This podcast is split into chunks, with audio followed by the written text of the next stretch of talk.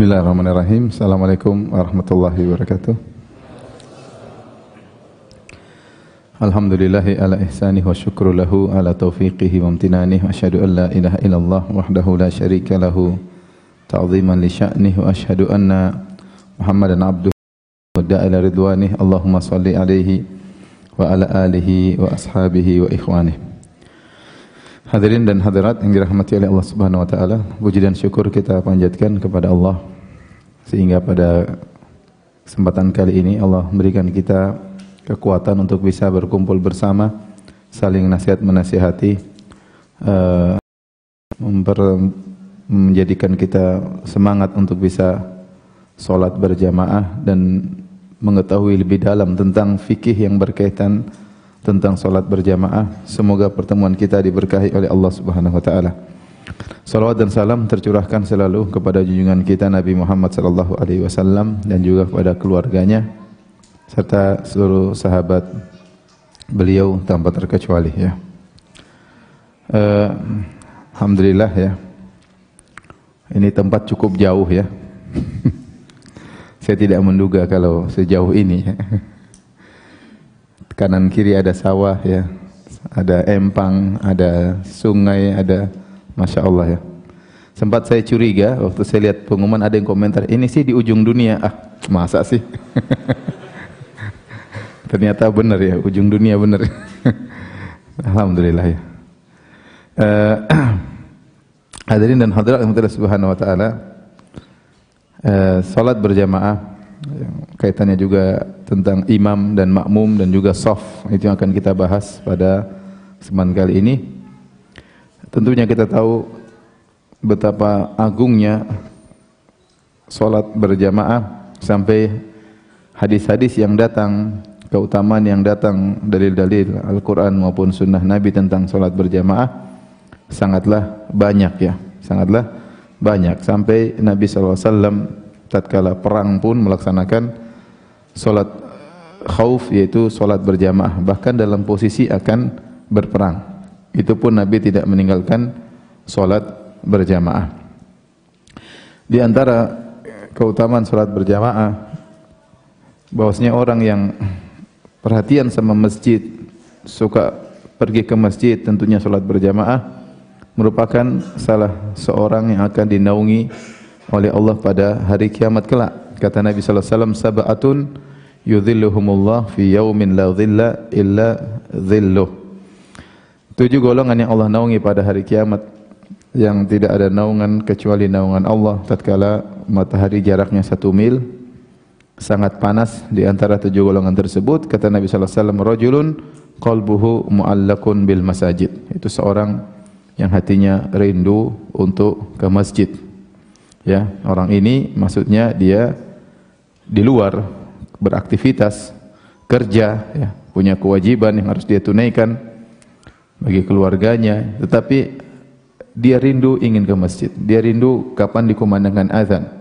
Dia rindu untuk melangkahkan kakinya menuju masjid. Ya. Dia mencapai derajat bukan hanya sekedar bahwasanya ke masjid itu harus bukan, tetapi ada kerinduan untuk ke masjid. Yang ini terkadang hilang dari sebagian kita. Ya, kita terkadang melangkahkan kaki menuju ke masjid karena kita merasa ini kewajiban. Seandainya tidak wajib mungkin kita sholat di rumah. Tetapi karena ada kita merasa ini wajib maka kita memaksakan diri kita untuk melangkahkan kaki menuju masjid dengan sedikit keterpaksaan. Tentunya itu juga berpahala, ya. Makanya beban syariat disebut dengan taklif, pembebanan. Seorang memaksakan dirinya untuk melaksanakan kewajiban-kewajiban yang Allah syariatkan. Tetapi lelaki ini mencapai derajat yang lebih daripada itu. Karena dia sudah terbiasa ke masjid sampai bukan hanya merasa harus ke masjid, timbul kerinduan dia. Rajulun qalbuhu muallakun bil masajid. Hatinya rindu untuk ke masjid ya. Dia rindu untuk mendengar azan dikumandangkan dan dia rindu segera melangkahkan kaki menuju ke masjid. Dan demikian kalau orang sudah terbiasa solat di masjid, dia solat di rumah seakan-akan tidak merasa sedang solat. Ya. Kenapa? Karena sudah terbiasa solat di masjid. Ada sesuatu yang benar-benar dia rasa kehilangan jika dia tidak sholat di masjid. Baik, itu salah satu dari keutamaan sholat berjamaah dan masih banyak keutamaan yang lain di antaranya dari hadis Abdullah bin Umar radhiyallahu anhu Rasulullah SAW bersabda salatul jamaah tafdhulu salatal fadhi bi sab'in wa ishrina darajah. Kata Nabi sallallahu alaihi wasallam, salat berjamaah lebih utama daripada salat sendirian dengan 27 derajat. Seorang yang merenungkan akan hal ini bahwasanya salat jamaah 27 kali lipat daripada salat sendirian, maka harusnya dia semangat untuk salat di masjid, harusnya ya. Bayangkan kalau kita salat zuhur di rumah dapat pahala 4 rakaat. Tapi kalau kita sholat zuhur di masjid 4 kali 27, berapa itu? Masa enggak bisa kali? 4 kali 7 berapa? 80 tambah berapa? 27 7 kali 4 berapa? 28 108 rakaat. Apa bandingannya? 4 rakaat dengan 108 rakaat. Sangat jauh berbeda.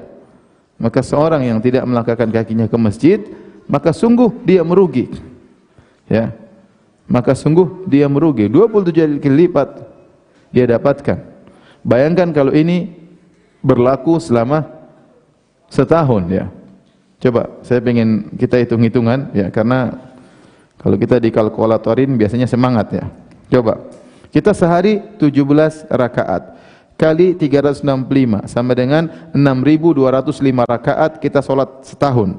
6205 rakaat, 6 ribuan ya, 6200 rakaat per tahun itu kalau kita selalu sholat lima waktu. Bayangkan kalau kita selalu sholat di masjid berarti kali 27 sama dengan 167 ribu rakaat. Sungguh jauh berbeda antara 6000 rakaat dengan 167 ribu rakaat. Jauh bedanya sampai 160 ribu Satunya cuma 6 ribu, satunya 167 ribu. Ini benar-benar akan kita uh, rasakan perbedaannya jika di akhirat kelak. Jika di akhirat kelak, maka kita tahu ternyata kita sangat rugi kalau kita tidak sholat berjamaah. Ya. Itu setahun, bagaimana kalau dua tahun, bagaimana kalau tiga tahun, bagaimana kalau empat tahun, bagaimana kalau tiga puluh tahun, bagaimana kalau empat puluh tahun. Pahalanya sangat jauh berbeda dibandingkan orang yang sholat di rumah tanpa uh, berjamaah ya. Namun demikianlah kita masih dapati kita sebagian kita bermalas-malasan untuk pergi ke masjid salat berjamaah. Kenapa? Karena pahala yang Allah janjikan adalah pahala akhirat. Allah tidak mengatakan siapa yang pergi ke salat berjamaah dapat kambing misalnya ya, dapat emas misalnya ya. Yang Allah janjikan adalah ampunan, pahala ya. Dan ini semua semua perkara yang gaib. Saya yakin seandainya Nabi bilang barang siapa yang sholat di ini masjid apa namanya? Masjid Fatimah ya. Barang siapa yang sholat di Masjid Fatimah sholat duhur dapat 27 ekor kambing, kira-kira rame enggak masjid ini? Rame, banyak kambing di sini pasti. Namun demikianlah semua pahalanya berkaitan dengan suatu yang gaib yang kita imani ya. Bahwasanya salat uh, berjamaah dilipat gandakan 27 kali lipat. Kemudian juga ya Rasulullah SAW bersabda bahwasanya semakin banyak jamaah semakin banyak pahalanya. Kata Nabi SAW, wa inna salatar rajuli ma'ar rajuli azka min salatihi wahdahu. Seseorang solat dengan satu orang yang lain berjamaah cuma dua orang lebih mulia di sisi Allah daripada dia solat sendiri. Wa salatu wa salatu ma'ar rajulaini azka min salati ma'ar rajul dan salat bertiga lebih baik daripada salat berdua. Artinya salat bertiga pahalanya lebih besar daripada salat berdua wa ma kathura fa huwa ahabbu ila Allah taala semakin banyak jamaah maka semakin dicintai oleh Allah Subhanahu wa taala oleh karenanya ulama mengatakan pahala salat jamaah terbanyak adalah salat di Masjidil Haram karena jamaahnya paling banyak di mana di Masjidil haram di Makkah. Ya. Paling banyak. Selain 100 ribu kali lipat, juga dapat pahala yang lain. Dia mendapat bonus dari dua sisi. Pertama, solatnya. Secara solatnya bernilai 100 ribu kali lipat. Dari sisi lain, Allah lebih suka dengan solatnya karena ditinjau dari jumlah jamaah yang semakin yang semakin banyak. Ya, maka seorang berusaha untuk bisa sholat berjamaah. Bahkan sebagian ulama, dan saya pernah baca dari perkataan Ibnul Mulaqin dalam kitabnya Al-I'lam, ya. Beliau menyebutkan bahwasanya tatkala seorang sholat berjamaah, maka Allah memandang sholat dia secara berkelompok, ya. Karena dia mendapatkan keberkahan jamaah. Kita tahu dalam salat berjamaah tersebut mungkin ada yang khusyuk sekali, ada yang kurang khusyuk. Tetapi dia dapat keberkahan apa? Berjamaah. Meskipun dia mungkin kurang-kurang khusyuk dia tetap dapat pahala dari Allah Subhanahu wa taala. Kalau majelis ilmu saja kata Nabi sallallahu alaihi wasallam, hum qaumun la yashqa jalisuhum. Majelis ilmu ada seorang datang niatnya bukan untuk ilmu, dia sekedar duduk aja mungkin nemani, mungkin lagi sesuatu yang lain, dia tidak tidak akan sengsara tetap dapat keberkahan majelis ilmu apalagi majelis salat berjamaah maka seorang yang sholat berjamaah kemungkinan besar sholatnya diterima. Kemungkinan besar sholatnya diterima oleh Allah ya.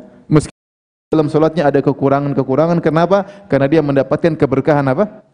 Jamaah. Dia mendapat keberkahan jamaah. Ya.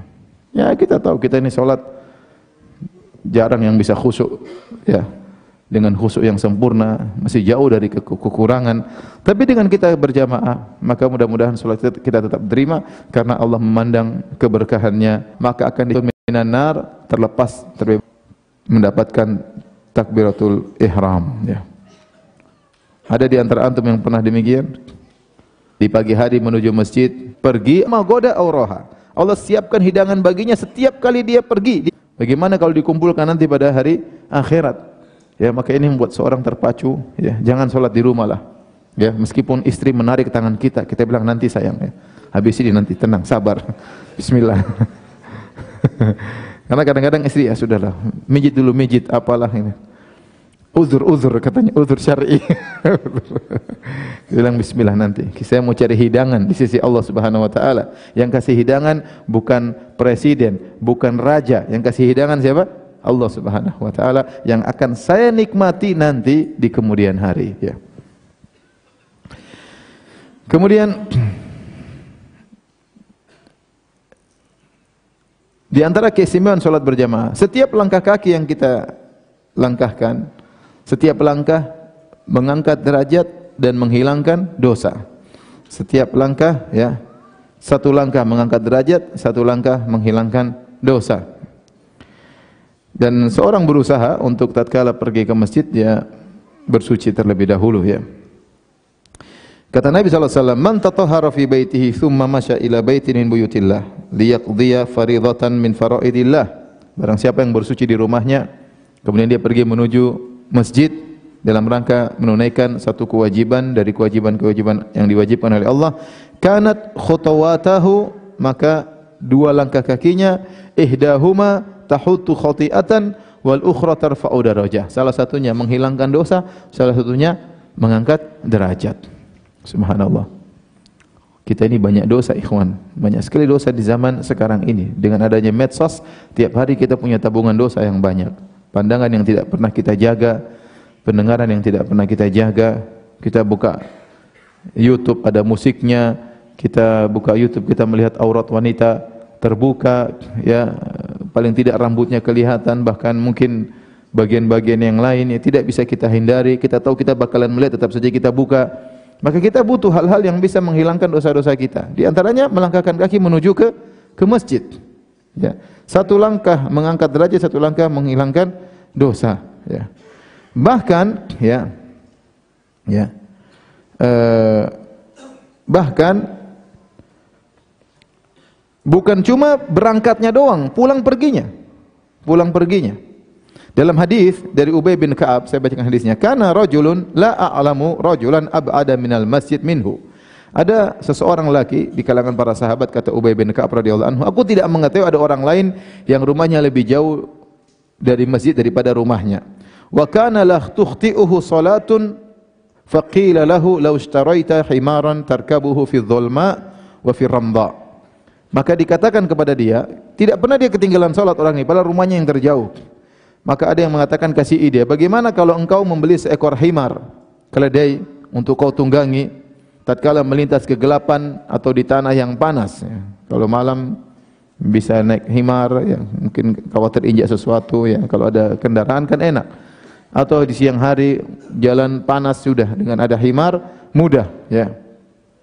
Apa jawaban dia? Qala ma yasurruni anna manzili ila jambil masjid. Aku tidak begitu suka kalau masjidku rumahku di samping masjid. Inni uridu an yuktabali mamshaya ilal masjid wa ruju'i ila ahli. Aku ingin dicatat oleh Allah Subhanahu wa taala langkah kakiku menuju masjid dan langkah kakiku pulang ke rumah dari masjid. Apa komentar Rasulullah SAW? Qad jama Allahu laka dzalika kullahu. Allah telah mengumpulkan semuanya itu bagimu. Ini dalil ya.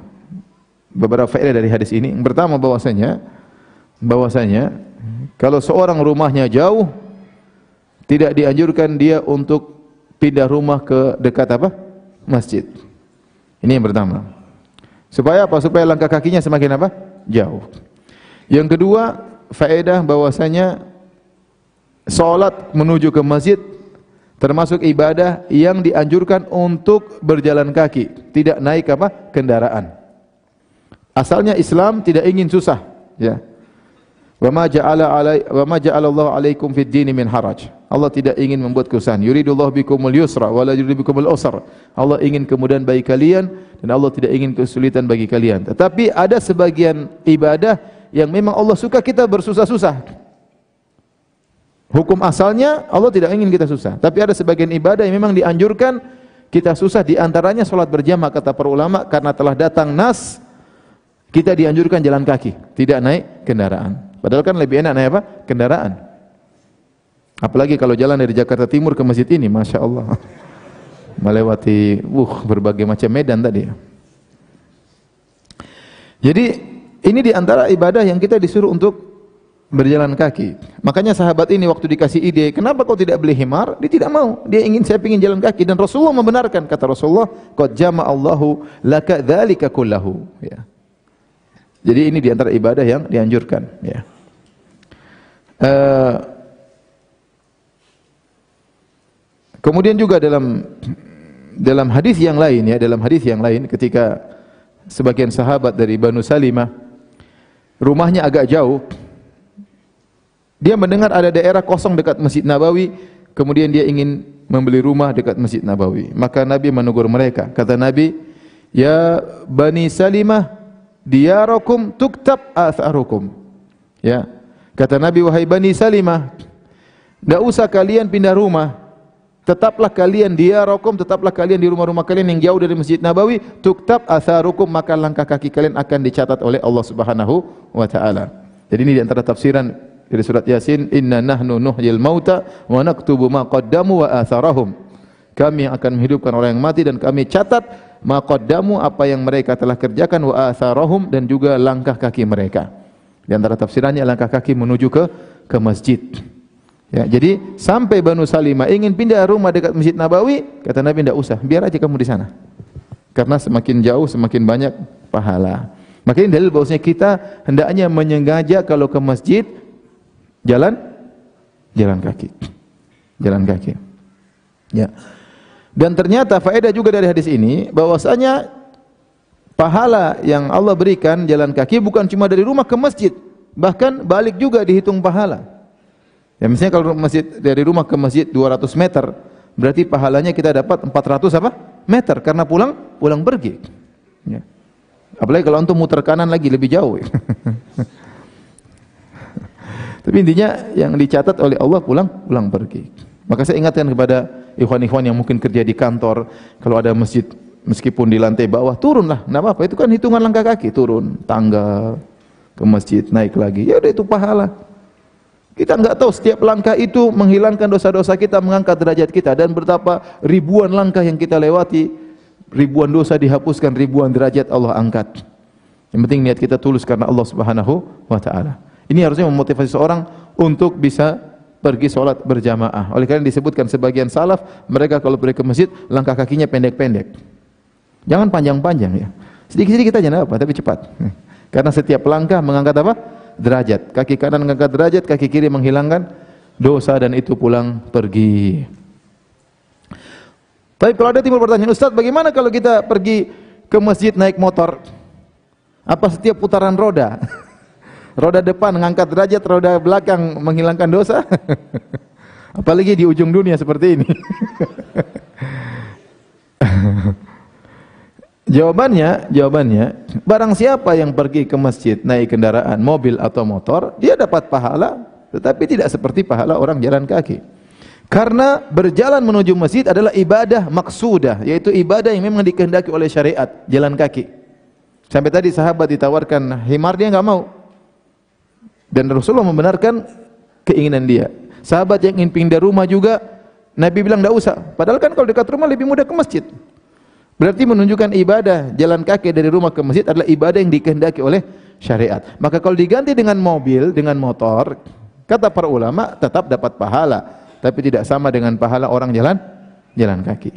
Kecuali kata Syekh Utsaimin rahimahullah taala kecuali kalau ada uzur, biasanya kita jalan kaki tahu-tahu lagi hujan atau lagi sangat panas atau lagi banyak debu ya. Dan kita tetap ingin ke masjid, kita naik mobil atau kita lagi sakit naik bisa jalan kaki, kita ingin naik mobil, maka kata Syekh Utsaimin setiap roda mewakili langkah kaki.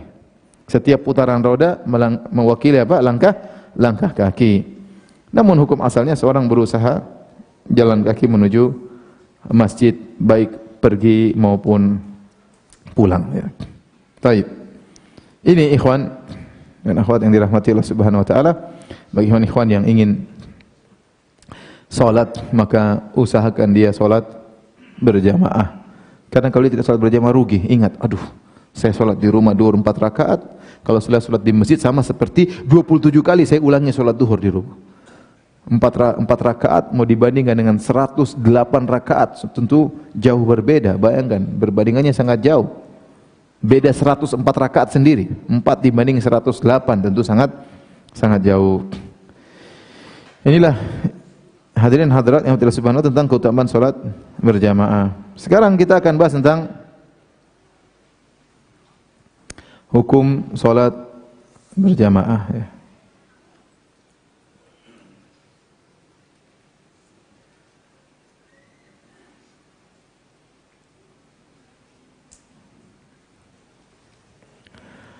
Uh, adapun hukum salat berjamaah, maka kita bedakan antara laki-laki dengan perempuan. Ya. Laki-laki dengan perempuan. Uh, untuk laki-laki, ya, untuk laki-laki, maka khilaf di kalangan para ulama tentang hukum salat berjamaah bagi laki-laki. Ya.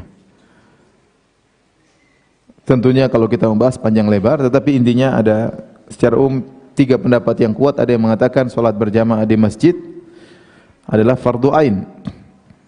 Kemudian ada yang mengatakan solat berjamaah di masjid adalah fardu kifayah. Kalau sebagian sudah mengerjakan maka yang lain tidak wajib lagi. Yang ketiga ada yang mengatakan hukumnya adalah sunnah muakkadah, yaitu sunnah yang sangat ditekankan. Sunnah yang sangat ditekankan. Terlepas dari mana pendapat yang lebih kuat, apakah wajib atau fardu kifayah ataukah sunnah muakkadah, maka seorang hendaknya tidak meninggalkan salat berjamaah. Meskipun ya pendapat yang kita lebih condong akan pendapat tersebut ya adalah salat berjamaah hukumnya wajib kecuali bagi yang beruzur. Adapun dalil-dalil yang menunjukkan salat berjamaah di masjid hukumnya wajib ya yaitu tatkala berperang Allah perintahkan untuk salat khauf ya. untuk salat khauf sebagaimana dalam uh, Al-Qur'an ya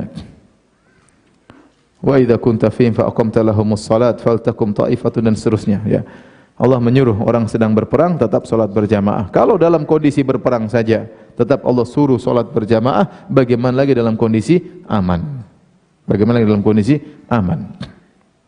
Ini dalil menguatkan bahwasanya salat berjamaah di masjid hukumnya wajib.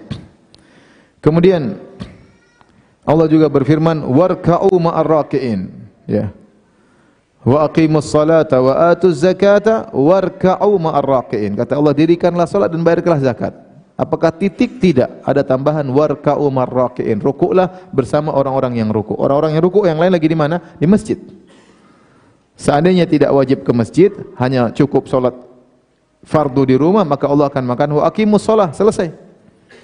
Dirikan solat tanpa harus di masjid. Tetapi tatkala datang perintah setelahnya, warka umar rakiin, rukuklah bersama orang-orang yang ruku. Dan kalau kita ingin melaksanakan perintah ini, rukuklah bersama orang yang ruku, maka mau tidak mau kita harus pergi ke ke masjid. Ini isyarat bahwasanya salat berjamaah hukumnya wajib.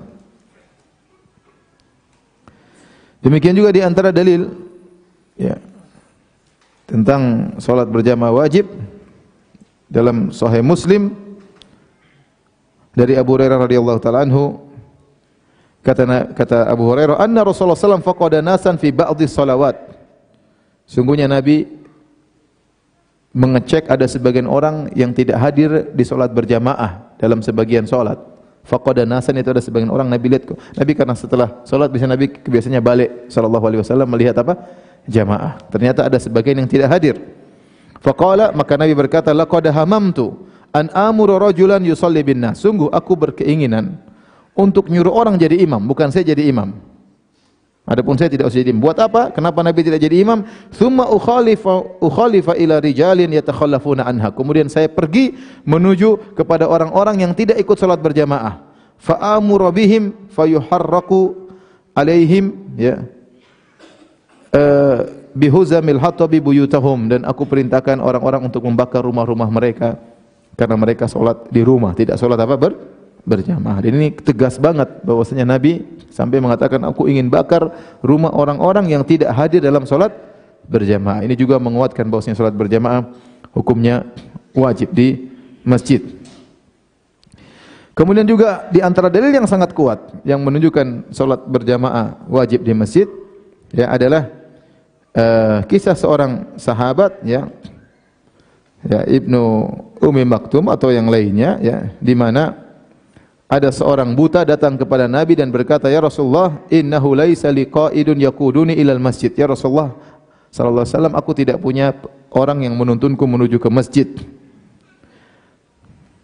Fasa'ala Rasulullah sallam an yurakhkhisa lahu fayusalli fi baiti. Maka dia minta rukhsah, minta keringanan kepada Nabi sallallahu alaihi wasallam agar dia bisa salat di rumahnya. Farakhasa lahu, maka Nabi izinkan ini orang tidak tidak punya orang lain untuk mengantar dia ke masjid, maka Nabi izinkan. Falamma walla, tatkala dia balik, da'ahu Nabi panggil. Faqala hal tasma'un nida' bis salat? Apa kau dengar azan dikumandangkan? Qala na'am, kata dia iya, kata Nabi fa'ajib. Ya. Silakan, engkau harus memenuhi panggilan azan tersebut. Ya, la ajidu laka rukhsah dalam sebagian riwayat aku tidak menemukan keringanan bagimu. Bayangkan ini orang buta, kalau dia mampu untuk ke masjid, maka tetap wajib ke ke masjid. Bagaimana lagi dengan orang yang bisa melihat seperti seperti kita semua ya. Ini juga menguatkan bahwasanya ya orang yang buta saja hendaknya datang ke masjid apalagi orang yang tidak buta. Kemudian juga dalam hadis Ibnu Abbas dari Nabi sallallahu alaihi wasallam beliau berkata, "Man sami'an nida falam ya'tih fala salata lahu." Barang siapa yang mendengar azan dikumandangkan lantas dia tidak datang, maka tidak ada salat baginya illa min uzur kecuali ada uzur. Artinya orang yang salat di rumah padahal dia dengar azan dikumandangkan tanpa uzur, maka dia berdosa. Bahkan Nabi mengatakan fala salatalahu, tidak ada salat baginya yaitu dia meninggalkan salah satu kewajiban. Salatnya sah, sah, tetapi dia berdosa. Kenapa? Karena kewajibannya harusnya dia salat berjamaah di di masjid. Kemudian ini pendapat tegas dari Ibnu Mas'ud.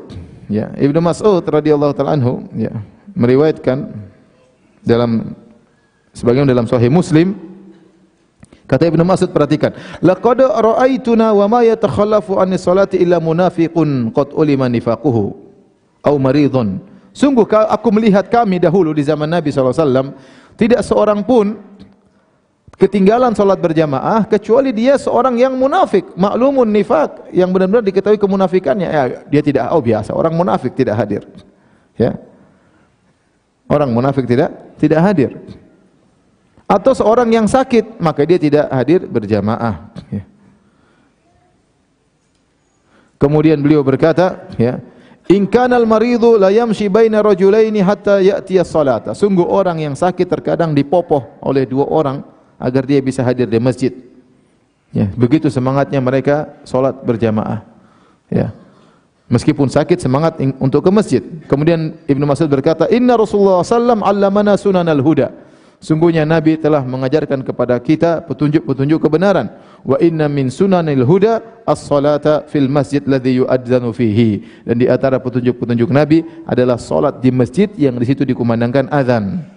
Bahkan dalam riwayat yang lain Ya, perhatikan kata Ibnu Mas'ud, "Man sarrahu an yalqallaha ghadan musliman." Barang siapa yang suka bertemu dengan Allah pada hari kiamat kelak dalam kondisi muslim, falyuhafiz ala haula'i salawati haitsu yunada bihinna. Maka hendaknya dia menjaga salat lima waktu di masjid di mana diserukan salat tersebut, yaitu dikumandangkan azan. Fa inna Allah syara'a li nabiyyikum sallallahu alaihi wasallam sunanal huda. Sungguhnya Allah telah mensyariatkan bagi nabi kalian sunanal huda, itu petunjuk-petunjuk. Wa inna hunna min sunanil huda dan menjalankan salat lima waktu di masjid termasuk petunjuk Nabi sallallahu alaihi wasallam. Perhatikan di sini. Jadi dalil Ibnu Mas'ud memandang salat berjamaah wajib di masjid. Walau annakum sallaitum fi buyutikum kama yusalli hadzal mutakhallifu fi baitihi la taraktum sunnata nabiyyikum. Kalau kalian salat di rumah kalian tidak ke masjid, sebagaimana orang yang ini yang tidak salat ini salat di rumahnya, la taraktum sunnata nabiyyikum maka kalian akan meninggalkan sunnah nabi kalian. Walau taraktum sunnata nabiyyikum la dalaltum. Kalau kalian meninggalkan sunnah nabi kalian maka kalian akan tersesat. Ini uh, dalil yang tegas bahwasanya Ibnu Mas'ud memandang solat berjamaah di masjid hukumnya apa? Wajib. Ya. Oleh karenanya tidak diriwayatkan Nabi sekalipun tidak pernah Nabi solat di rumah. Nabi selalu solat berjamaah. Seandainya dia tidak fardu ain, tidak wajib, mungkin Nabi pernah contohkan sesekali Nabi tidak solat di masjid, sesekali Nabi solat di rumah. Tapi selama itu Nabi selalu solat di masjid. Bahkan Nabi SAW ketika sakit tetap semangat pergi ke masjid. Waktu Nabi sakit, beliau meninggal dunia, maka Nabi SAW tanya, apa asalan nas, apakah orang sudah salat? Belum, semuanya nunggu engkau ya Rasulullah. Rasulullah membangkit, Rasulullah enggak kuat, Rasulullah pingsan, enggak kuat. Kemudian Rasulullah sadar, orang sudah sudah salat belum? Belum, mereka masih menunggumu ya Rasulullah. Maka Rasulullah kemudian minta diambilkan air, kemudian Rasulullah SAW mandi, kemudian berwudu supaya segar kembali, mau berangkat pingsan lagi. Para sahabat enggak ada yang berani salat nunggu. Setelah Nabi Nabi bertanya, apakah orang sudah sholat? Belum, mereka menunggu engkau ya Rasulullah. Bayangkan Rasulullah pingsan-pingsan, masih tetap ingin ke ke masjid. Maka Rasulullah SAW berusaha lagi, pingsan lagi, sampai akhirnya Rasulullah tidak mampu. Maka Rasulullah SAW mengatakan, Muru Abu Bakr falyusalliya bin nas. Suruh Abu Bakar jadi imam. Ya, karena Nabi tidak tidak mampu. Tapi lihat bagaimana semangat Nabi untuk sholat uh, berjamaah ya. Tentunya saya katakan ini masalah khilaf. Ada yang mengatakan sunnah muakkadah, ya ada yang mengatakan fardu kifayah, ada yang mengatakan fardu berjamaah tapi tidak harus di masjid, di rumah boleh. Semua adalah khilaf dan pendapat banyak. Namun saya lebih condong bahwasanya salat berjamaah wajib di masjid kecuali ada apa? Uzur. Dan ini zahir dari pendapat Ibnu Mas'ud radhiyallahu taala anhu, ya. Tadi Nabi orang buta minta uzur, Nabi tidak kasih. Nabi bercita-cita untuk membakar rumah-rumah orang yang sholat di rumah, tidak di masjid. Lalu bangun masjid buat apa kalau orang sholat di rumah? Buat apa panggil azan kalau tidak didatangi azan tersebut? Ya. Kemudian tadi perkataan Ibnu Mas'ud radhiyallahu taala anhu bahwasanya salat berjamaah hukumnya wajib. Adapun bagi wanita Salat berjamaah hukumnya sunnah, maksudnya bukan ke masjidnya, tapi dia mengadakan jamaah di rumah. Ya, sebagaimana dilaksanakan oleh para salaf.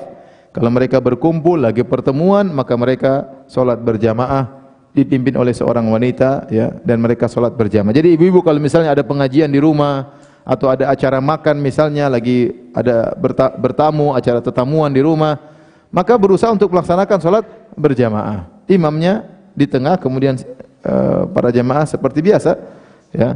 Uh, tidak harus ke masjid. Tidak harus ke masjid ya. Tetapi uh, tetap berjamaah dan hukumnya sunnah ya meskipun di rumah. Karena hukum asal laki dan wanita hukumnya sama. Kalau lelaki dianjurkan salat berjamaah maka wanita juga dianjurkan salat berjamaah. Cuma saja ada perbedaannya wanita lebih baik salat di rumah daripada di masjid. Wanita lebih baik salat di rumah daripada di masjid. Taib. Dari sini kita bahas tentang apa hukum wanita solat berjamaah di masjid. Maka yang benar bahwasanya wanita boleh solat di masjid, tetapi yang lebih afdal solat di mana? Di rumah. Kata Nabi SAW, La tamna'u ima Allahi masajid Allah wa buyutuhunna khairun lahun. Kata Nabi, janganlah kalian melarang para ibu-ibu untuk solat di masjid. Tetapi di rumah lebih baik bagi mereka. Ini dalil kalau wanita ada dua pilihan. Solat di masjid atau di rumah, lebih afdal di mana? Di rumah. Kenapa lebih afdal di rumah? Semakin dia jauh dari pandangan lelaki, dia semakin semakin baik. Semakin jauh dari pandangan laki maka semakin baik. Bahkan kata Nabi sallallahu alaihi wasallam, "Salatul mar'ati fi makhda'iha afdalu min salatiha fi baitiha." So, so, seorang wanita di tempat yang terpingit lebih afdal daripada dia salat di rumahnya yang agak terbuka. Artinya di kamarnya lebih baik daripada di ruang tamunya. Gampangannya demikian. Kalau kita kasih gambaran, seorang wanita yang salat di kamarnya lebih afdal daripada salat di ruang apa? tamunya, ya. Wa salatu fi baitiha afdalu salat salat min salati fi hujratiha dan seorang yang salat di rumahnya lebih afdal daripada hujrah. Hujrah itu pelataran antara pelataran rumah yang masih ada atapnya tapi uh, eh, apa tidak ada atapnya tapi terbuka ya. Seperti kalau rumah Nabi wasallam ada gurfah, ada hujurat ya. Ada ada spidol kan?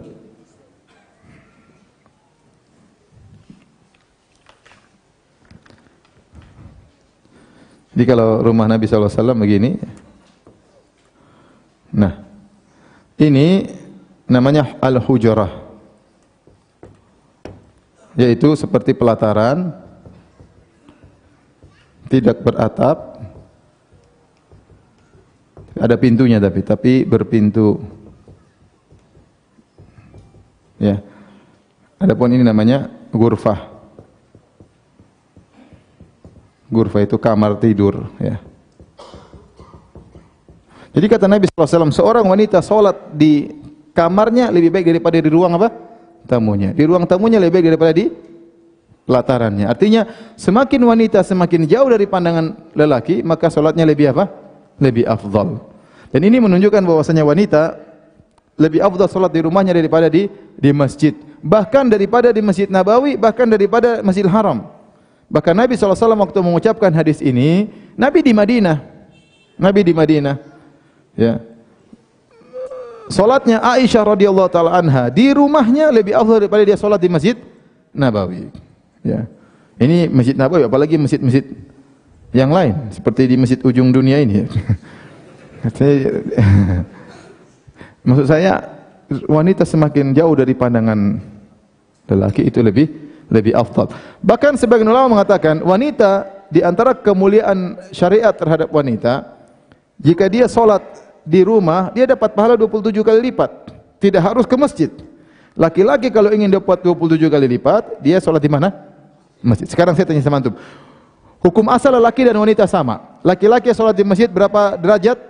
27 derajat. Demikian juga hukum asalnya wanita kalau berjamaah di masjid berapa derajat? 27 derajat. Seandainya wanita ke masjid dapat 27 derajat sebagaimana laki-laki. Ternyata kata Nabi, solatnya di rumahnya lebih afdal. Berarti kalau dia solat di rumah sudah otomatis dapat 27 derajat. Meskipun tidak usah ke ke masjid. Ini di antara uh, pemuliaan syariat terhadap wanita. Bahkan kata Allah Subhanahu wa taala, "Wa qarna fi buyutikunna." Hendaknya kalian menetap di rumah kalian. Seorang wanita di rumah saja enggak ke mana mana niatnya ibadah, dia dapat pahala.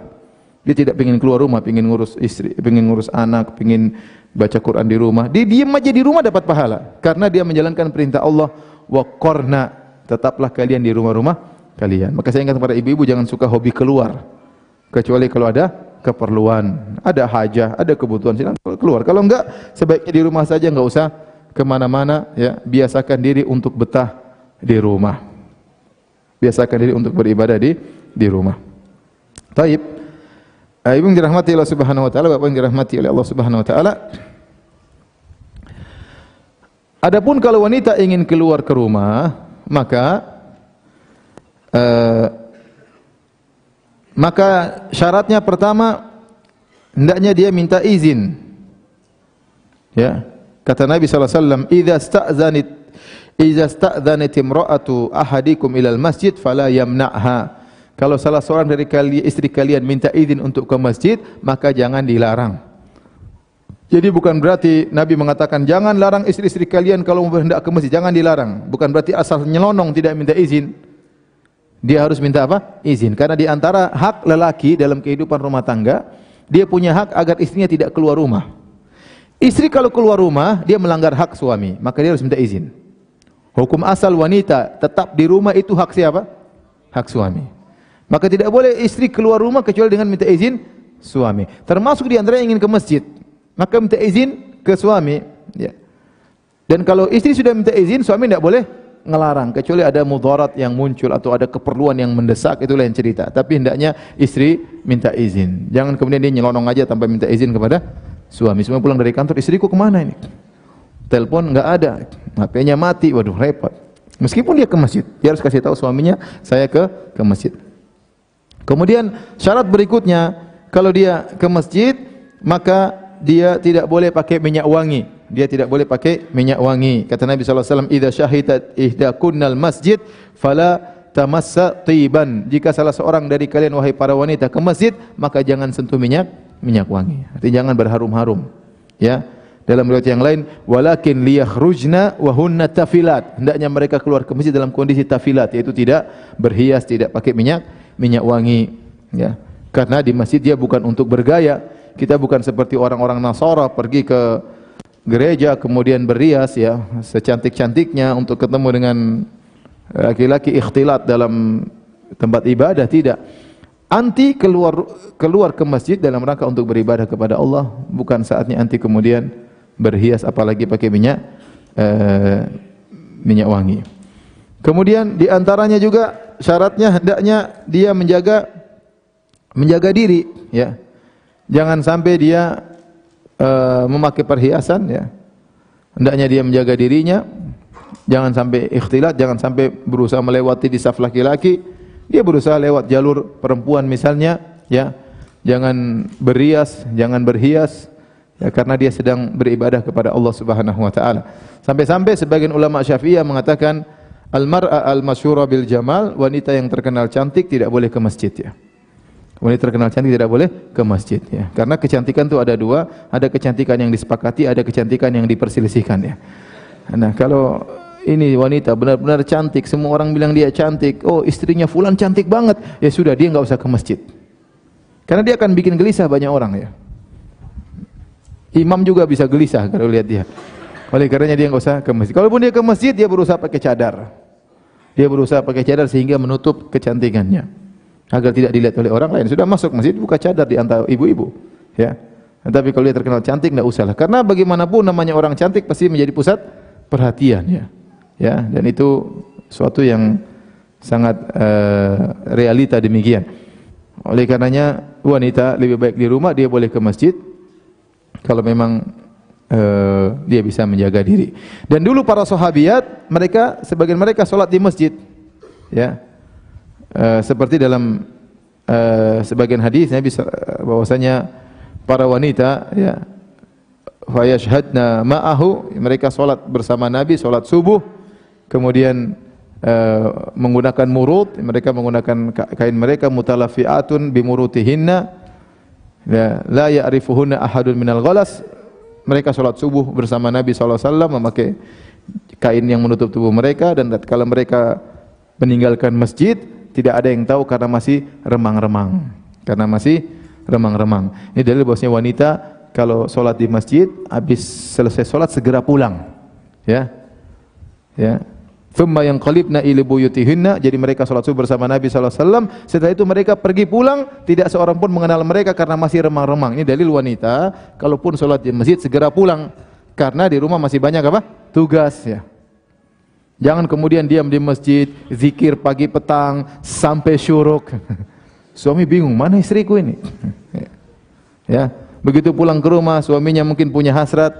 Sayang, tunggu, satu juz belum selesai, tunggu. Wah, gimana? Ya, ini rumah Abi di ujung dunia, mau ke kantor jauh. ya, tunggu kamu satu juz dulu, kapan mau melayani Abi ya? Oleh karenanya seorang wanita harus tahu bahwasanya dia boleh ke masjid, tapi dia punya tugas yang lebih yang besar, lebih wajib itu ngurus suami di mana? di rumah. Maka kalau dia ke masjid silakan Nabi tidak larang.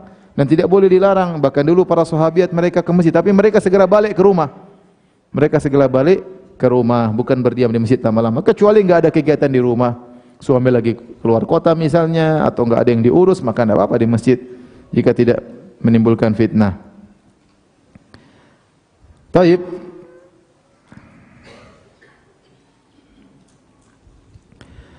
Uh, hadirin dan hadirat yang Subhanahu wa taala. Salat-salat apakah yang dianjurkan untuk dilaksanakan secara berjamaah? Tentunya banyak. Salat fardu jelas ya. Kemudian salat-salat sunnah tertentu ya. Seperti uh, salat istisqa, kemudian salat janazah ya. Salat gerhana, salat tarawih, salat Id ya. Ini semua salat-salat yang dianjurkan untuk dilaksanakan secara berjamaah. Adapun salat tatawu yang lain secara umum ya maka boleh dikerjakan berjamaah sesekali. Seperti salat duha bolehkah berjamaah sesekali? Sebenarnya berpendapat boleh sesekali tapi tidak boleh dirutinkan. Sesekali boleh.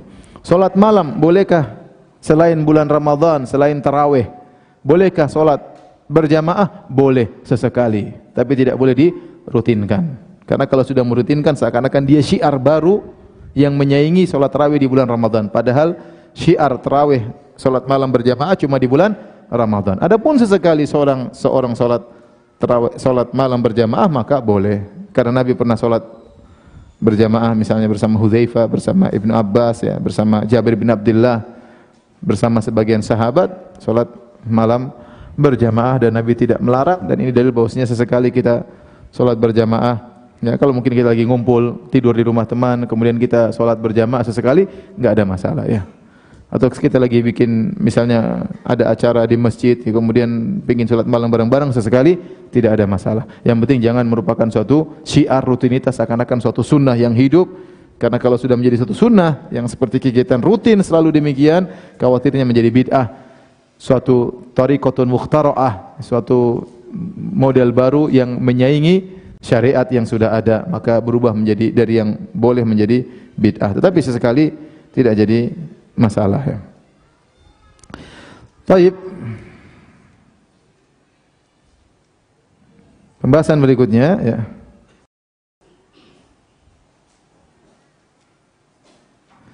adalah masalah imam ya. Masalah imam. Siapakah yang berhak menjadi imam? Perhatikan hadirin hadirat yang Subhanahu wa taala, imam ini adalah uh, jabatan yang bergengsi dalam syariat ya. Kalau dalam dunia mungkin ya gajinya kecil ya mungkin ya. Tapi kalau dalam syariat seorang menjadi imam ini predikat yang tinggi. Maka tidak sembarang orang boleh jadi apa? Imam. Maka Nabi wasallam memberikan Persyaratan kata Nabi wasallam ya ummukum aqra'ukum li kitabillah. Yang jadi imam adalah yang paling mahir baca Al-Qur'an, ya.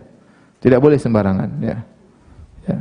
Kalau ternyata Islamnya sama, yang paling paham tentang sunnah, ya. Artinya tapi yang paling pertama adalah yang aqra'ukum li kitabillah, yang paling mahir tentang apa Al-Qur'an dengan syarat dia tahu tentang fikih-fikih berkaitan dengan imam. Ya, fikih-fikih berkaitan dengan dengan imam. Misalnya ada dua orang, yang satu dia fakih, dia ustaz, tapi hafalannya tidak banyak. Yang satu dia hafalannya banyak dan dia mahir dalam Al-Quran. Dia baca Quran enak didengar. Dan dia tahu fikih tentang jadi imam, maka ini lebih utama yang satunya. Karena dia baca imam berkaitan dengan banyak banyak orang, agar orang tentram solat di belakang dia. Yang penting dia tahu tentang bagaimana fikih menjadi seorang imam. Dan ini syarat kata Nabi, ya ummukum akra'ukum li kitabillah. Yang jadi imam yang paling mahir tentang Al-Quran. Maksudnya kita kalau masalah imam jangan kita pekewu-pekewu, jangan kita tawaduk-tawaduk. Bukan tempatnya kita tawaduk, oh kamu sajalah, kamu. Padahal kita tahu kita lebih alim daripada dia, lebih mahir dalam baca Al-Qur'an, kita bilang kamu saja, kamu saja enggak boleh. Karena Nabi yang suruh pilih yang paling mahir dalam masalah, masalah apa? Al-Qur'an. Bukan masalah tawaduk, itu tawaduk tidak pada tempatnya. Ya. Karena misalnya kita lagi sholat, kamu jadi, kita tahu dia lebih mahir dalam baca Al-Quran. Jangan, atau kita tahu kita lebih mahir, Terus kita dipersilakan, ah enggak enggak kamu aja lah. Tawadhu tidak pada tempatnya. Kalau Anda tawadhu di sini berarti Anda menyelisih hadis Nabi. Nabi yang suruh sallallahu alaihi wasallam ya ummukum aqra'ukum li kitabillah. Yang jadi imam yang paling mahir apa? Al-Qur'an. Kalau Anda merasa diri Anda lebih baik daripada yang Anda kenal semua, yang hadir Anda lebih hebat, ya udah ente yang maju. Menjalankan perintah Nabi. Ini bukan masalah tawadhu-tawadhuan, tapi ini perintah Nabi wasallam. Karena akhirnya kalau ada kita tawadhu-tawadhu akhirnya yang bahlul yang maju gimana? Imamnya bahlul, kemudian yang di belakang pada gelisah tidak puas. Ya ente salah sendiri. Tawadhu tidak pada tempatnya. Saya pernah lagi safar singgah di di Saudi singgah di suatu masjid. Kemudian ada orang Arab ada saya orang Indonesia ada orang Pakistan rame-rame. Kemudian azan dikumandangkan terus siapa yang jadi imam? Lihat liatin. Ada orang Pakistan satu maju dengan PD-nya Pakistan Bangladesh atau Pakistan. Keren. Jenggot panjang pakai sorban, wah sudahlah, insya Allah lah. Begitu jadi imam, kacau. Kacau ya. Kalau di sini mungkin biasa, tapi di sana kan mereka semua tahu bahasa Arab, mereka tahu tajwid. Jadi ini ada orang dengan PD-nya maju, penampilan memang yang lain kalah ya. Dia yang paling keren. Jenggot panjang, sorban keren, pokoknya maju jadi imam. Begitu assalamualaikum, assalamualaikum semua protes. Kenapa tadi ente yang pintar tidak maju ya? Jadi maksud saya Masalah imam itu bukan masalah tawadhu-tawadhuan, masalah menjalankan perintah Nabi. Ya ummukum aqra'ukum li kitabillah. Aqra'ukum li kitabillah. Jadi imam harus yang mahir. Ya. Dan kedudukan jadi imam ini bergengsi. Terkadang orang dia ada syahwat pingin jadi imam. Dia ada hawa nafsu untuk jadi imam. Kalau memang dia pantas ya silakan. Tapi kalau dia nggak pantas nggak boleh. Jangan kita jadikan dia imam. Ya, kecuali memang dia yang punya masjid ya lain cerita. atau dia yang berkuasa di situ lain cerita. Tapi seandainya kita disuruh milih, jangan pilih dia. Kita bilang kita kumpul, memang kamu yang paling tua, karena paling tua itu pilihan belakangan ya. Masih ada yang lebih utama untuk dilihat, yaitu masalah kemahiran dalam Al-Quran. Ya. Karena ada sebagian tempat, sebagian saya pernah pergi ke satu daerah, yang jadi imam selalu yang paling apa? Tua. Itu kalau tua, kemudian ternyata tajwidnya kurang bagus, hafalannya sedikit, ya Terkadang baca suaranya enggak kedengaran ya. Ini kan mengganggu yang lain kasihan. Jamaah tidak semangat sholat tarawih. Terus kalau baca terlalu lama ya. Jadi kita ingin kemaslahatan bagi jamaah. Muad bin Jabal saja ditegur oleh Nabi karena baca terlalu panjang menggelisahkan jamaah. Maka dicari imam yang bacaannya enak. Ya, tentu dengan dia juga orang bertakwa dan dia tahu fikih bagaimana menjadi imam, bagaimana kalau dia batal di tengah jalan, bagaimana kalau terjadi sesuatu, bagaimana kalau gempa, dia harus ngerti. Bagaimana kalau dia lupa, ya, dia harus ngerti masalah-masalah fikih yang berkaitan dengan imam. Jadi saya ingatkan, imam adalah kedudukan bergengsi dalam syariat. Ya. Kedudukan yang predikat yang tinggi, maka tidak sembarang orang boleh menjadi imam. Kata Nabi, ya ummukum akra'ukum li kitabillah. Jadi imam adalah yang paling mahir dalam Al-Quran. Taib. Pembahasan berikutnya, bagaimana kalau imamnya masih anak kecil? Ini contoh nyata, bahwasanya para sahabat akhirnya milih anak kecil jadi imam. Karena dia yang paling banyak hafalannya. Kisah Amr bin Salamah radhiyallahu taala anhu, ya. Tatkala uh, Rasulullah menyampaikan kepada dia dan rombongannya kata Nabi SAW fa idza hadarati salatu falyu'adzin ahadukum wal ya'ummakum aktsarukum qur'anan. Kata Nabi jika tiba salat hendaknya salah seorang dari kalian mengadzankan dan hendaknya yang jadi imam yang paling banyak Al-Qur'an yang paling banyak hafalannya. Ketika tiba waktu salat kata Amr bin Salamah radhiyallahu anhu fanadharu. Mereka pun lihat.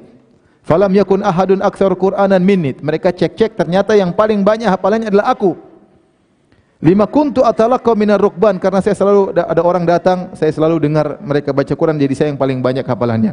Faqaddamuni baina aidihim, maka mereka orang-orang dewasa tersebut menyuruh saya jadi imam. Wa ana ibnu sittin au sab'i sinin, umur saya masih 6 tahun atau 7 tahun. Ini di antara dalil yang sanggup bahwa saya jadi imam bukan masalah umur, umur belakangan, ya. Kalau sudah sama-sama pintar lebih tua baru tua yang dimajukan. Tetapi yang menjadi barometer utama bukan masalah umur, tapi masalah apakah dia hafalannya lebih banyak, tajwidnya bagus atau tidak. Karena ini demi kemaslahatan makmum sehingga mereka bisa menikmati solat solat tersebut. Ya. Ternyata Amr bin Salamah umurnya 6 tahun, 7 tahun sudah jadi imam. Ini dalil bahwasanya imam tidak harus balik. Karena 6 tahun belum balik. Tapi tatkala hafalnya lebih bagus, bacanya lebih enak, biar dia yang jadi jadi imam. Biar dia yang menjadi imam. Taib. Sampai-sampai disebutkan Amr bin Salamah radhiyallahu taala tatkala dia ruku kelihatan pantatnya ya. Karena masih kecil dan sarungnya pendek. Kalau dia ruku, Allahu Akbar, ibu-ibu di belakang, hei itu pantatnya kelihatan. Akhirnya ibu-ibu mengatakan kepada bapak-bapak, "Wahai bapak sekalian, tutuplah aurat apa? imam kita ya." Akhirnya dia dibelikan sarung, maka dia sangat gembira dapat dapat punya sarung karena dulu sahabat miskin ya, sampai tidak punya sarung sampai sholat saja kalau pas ruku pantat apa kelihatan. Tapi intinya ini dalil bahwasanya anak kecil jadi imam itu sah. Ya.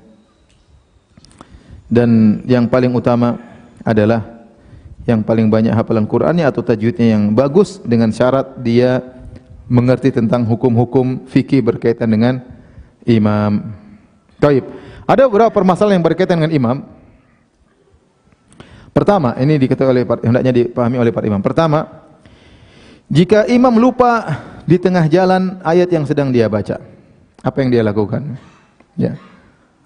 Kalau dia lupa Al-Fatihah ya dia harus ulang baca Al-Fatihah. Tapi kalau dia yang dia lupa adalah surat setelah Al-Fatihah, maka dia jadi imam, dia lupa dan tidak ada yang tegur di belakang. Makanya kalau jadi imam itu yang belakang imam harusnya orang-orang yang berilmu, yang juga punya hafalan. Kalau imamnya lupa dia bisa apa? Tegur. Karena sebagian orang pede langsung di belakang imam. Padahal bahlul ya. Jangan orang biar yang jadi di belakang ustadz kek siapa kek. Kalau ada apa-apa dengan imam, dia segera bisa ganti. Kalau imam lupa dia bisa apa? Tegur ya. Maka hendaknya yang di belakang imam persis orang-orang yang mengerti tentang agama. Ya. Uh, saya masih ingat dulu Syekh Bakar uh, Syekh Abu Bakar Al-Jazairi waktu beliau masih hidup rahimahullah taala beliau ngisi pengajian di sayap kanan Masjid Nabawi tetapi kalau mau sholat beliau selalu didorong menuju ke areal belakang imam sebagai bentuk pemuliaan terhadap apa? beliau jadi tempat itu dikhususkan buat orang-orang yang memang orang-orang mulia tidak mengapa ya karena kalau imam lupa, mereka yang tegur ya atau terjadi sesuatu mereka yang gantikan. Tidak semua orang di belakang belakang imam persis, hanya orang-orang yang berilmu. Nah, bagaimana kalau imam lupa? Imam lupa, misalnya baca ayat, imam lupa, ya. Kalau itu ayat yang dihafal oleh banyak orang, ya, cukuplah orang-orang di belakang imam yang tegur. Jadi sekarang penyakit banyak ya, dan ini terjadi di musim sholat taraweh. Saya sering mengalami hal ini.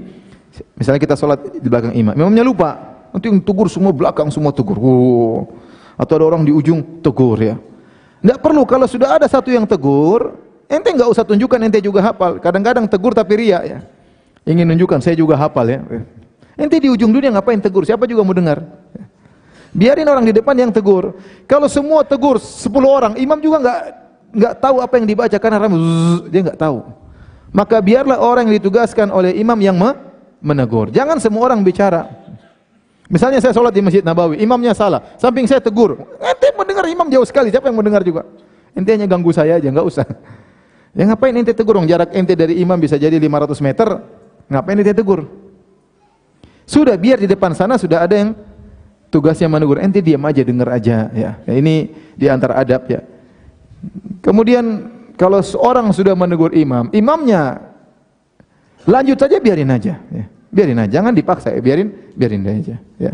Biarin aja.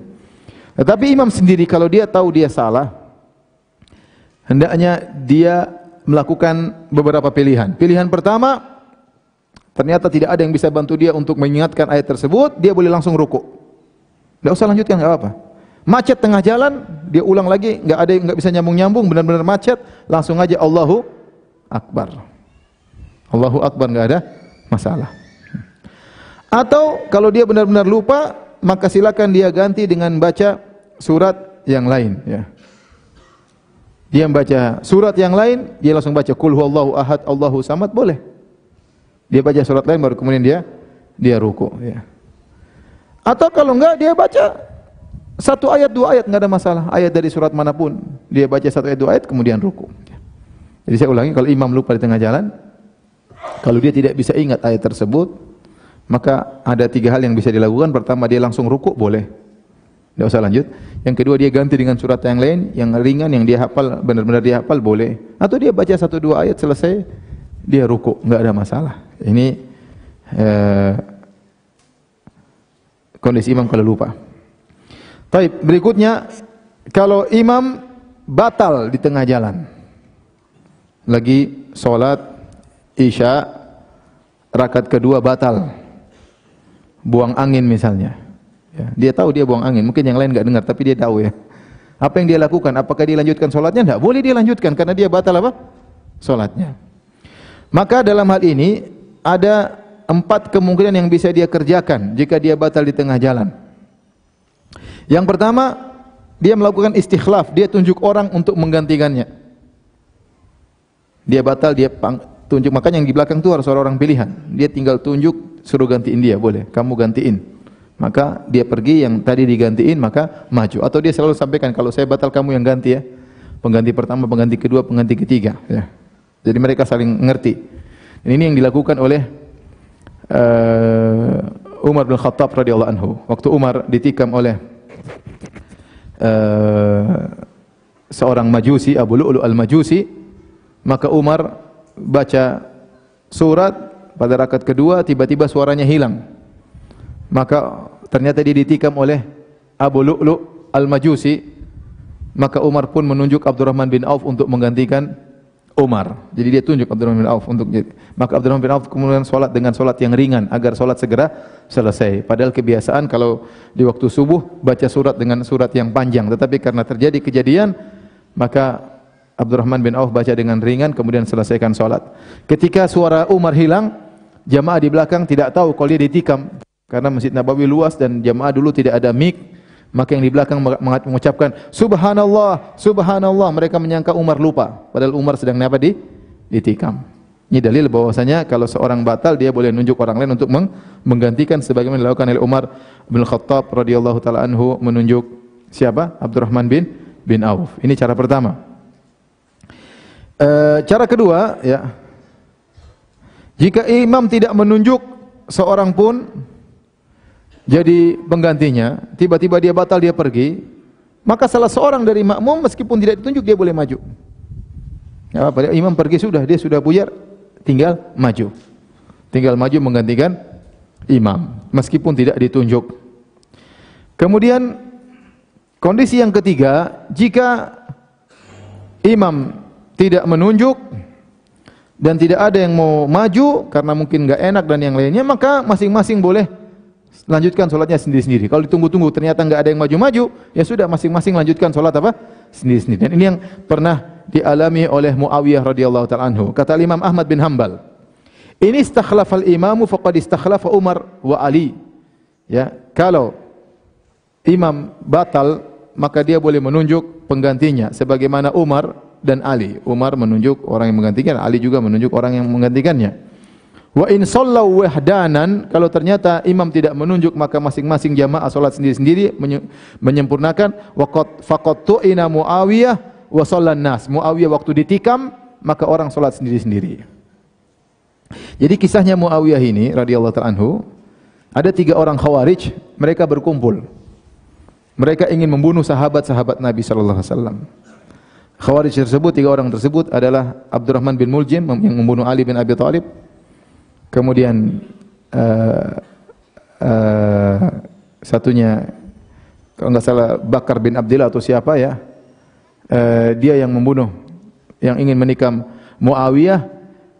Yang kemudian yang ketiga adalah Amr At-Tamimi yang dia membunuh Amr bin As tiga orang ini berkumpul ya uh, atau Al-Barak Al-Barak bin bin Abdullah kemudian Amr At-Tamimi. Tiga orang ini, Abdullah bin Mujim, Barak bin Abdullah, kemudian Amr At-Tamimi, mereka berkumpul dan mereka bersumpah, kita akan membunuh tiga orang penjahat besar di dunia ini.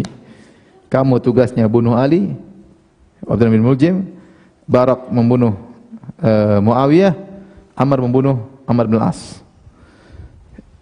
Ali bin Abi Talib di Kufah, Muawiyah di Syam, Amr bin As di Mesir. Maka mereka bersepakat bersumpah untuk membunuh tiga orang ini kapan? Di hari tanggal 17 bulan Ramadan. Karena mereka menganggap ini adalah ibadah yang sangat mulia hendaknya dikerjakan di bulan Ramadan. 17 bulan Ramadan ya. Kalau karena orang Khawarij begitu mereka menyangka membunuh kaum muslimin itu jihad yang luar biasa dan langsung membuat mereka masuk dalam surga. Sehingga terkadang mereka ngebom di masjid. Ini sudah hal yang biasa sejak zaman dahulu juga sudah ada. Akhirnya tiga-tiga ini pergi, yang satu ke Kufah, yang satu ke Mesir, yang satu ke Syam. Abdurrahman bin Muljim hendak membunuh Ali. Maka uh, dia simpan pisaunya kasih kasih racun ya, 40 hari dikasih racun kemudian kebiasaan Ali bin Abi Thalib sebelum subuh keluar membangunkan orang untuk salat maka kemudian pas Ali keluar maka dia tikam Ali di kepalanya sampai darah mengalir ke jenggotnya dan ini sudah pernah dikabarkan oleh Nabi SAW bahwasanya kau akan meninggal dengan cara demikian maka Ali bin Abi Thalib pun mati mati syahid ya, dibunuh oleh Abdurrahman bin Muljam sebelum meninggal Ali mengatakan kalau saya mati gara-gara tikaman ini maka jangan Jangan kalian melakukan muslah, jangan kalian cincang Abdurrahman bin Muljim karena Nabi melarang ya. Nabi melarang. Intinya yang kedua adalah uh, Amr At-Tamimi hendak membunuh Amr bin As. Qadarullah pada hari tersebut Amr bin As sakit. Maka dia suruh penggantinya Kharijah untuk jadi imam. Maka Kharijah keluar untuk salat subuh, maka ditikamlah oleh Amr. Yang ternyata yang mati Kharijah bukan Amr bin As. Maka tersebutlah suatu pepatah ada yang mengatakan uh, uh, Amr bin mengatakan arata amran fa aradallahu kharijah. Kau ingin bunuh Amr bin As tapi Allah berkehendak yang meninggal siapa? Kharijah. Kenapa? Dia rupanya sakit, disangka imamnya Amr bin As ternyata bukan. Akhirnya yang meninggal Kharijah. Yang ketiga Muawiyah. Muawiyah menjadi imam salat, jadi semua dibunuh salat subuh, subhanallah. Salat subuh 17 Ramadan, ya. Khawarij ya. ya. Mereka menyangka membunuh para sahabat ini dapat pahala luar biasa. Tatkala mereka ingin membunuh Muawiyah, ternyata Muawiyah penjaganya banyak. Akhirnya dia tidak mampu, maka dia pun menikam kalau tidak salah mengenai pantatnya Muawiyah atau di atasnya sedikit. Maka Muawiyah lagi ruku atau lagi sujud ditikam, maka dia tidak bisa melanjutkan solat, maka dia mengatakan kepada para jamaah, atimu solatakum, solat sendiri-sendiri. Maka akhirnya mereka sholat sendiri tidak ada yang menggantikan apa? Muawiyah. Terus Muawiyah mengatakan apakah ditanya sama orang yang ahli apakah ini pedang atau pisau ini ada racunnya ternyata dicium enggak ada racunnya akhirnya Muawiyah selamat tidak meninggal gara-gara tikaman tersebut. Paham? Tapi intinya intinya maksud saya Muawiyah waktu ditikam tidak ada orang yang menggantikannya. Tapi masing-masing sholat apa? Sendiri ya. Jadi kalau menjadi suatu kasus imamnya tahu-tahu pergi yang lain juga semua bingung ini gimana? Woi woi sudah ente sholatnya sendiri selesaikan.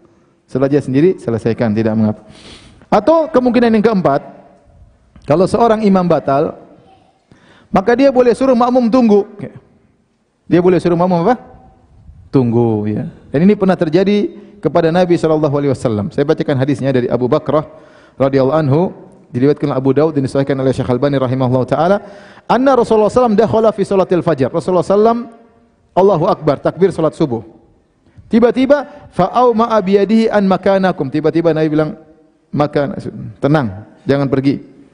Nabi pulang ke rumah, Nabi mandi junub, kemudian Nabi keluar, wa ra'suhu yaqturu dan airnya masih keluarkan mengalirkan air, kemudian Nabi fasolabim, Nabi lanjutkan salat, ya.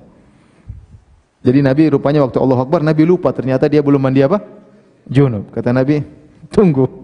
Nabi berkurung mandi kemudian Allah Akbar. Jadi ini juga boleh seperti ini. Bukan cuma batal buang angin, ini mandi apa? Mandi junub. Dan ini pernah terjadi pada seorang imam di masjid namanya eh, Imam eh, Ali Al-Huzaifi, Syekh Ali Al-Huzaifi. Dan ini sampai ramai waktu itu di YouTube. Jadi Syekh Ali Al-Huzaifi hafizahullah taala dia salat Allahu Akbar di Masjid Nabawi. Allahu Akbar. Semua orang takbir Allahu Akbar. Tidak lama kemudian rasanya dia batal. Kemudian dia mengatakan intaziru daqiqah. Tunggu sebentar, tunggu sebentar. Kemudian dia pergi. Itu jamaah abi ada yang lihat ini. Sampai heboh waktu itu. Terus dia kembali lagi.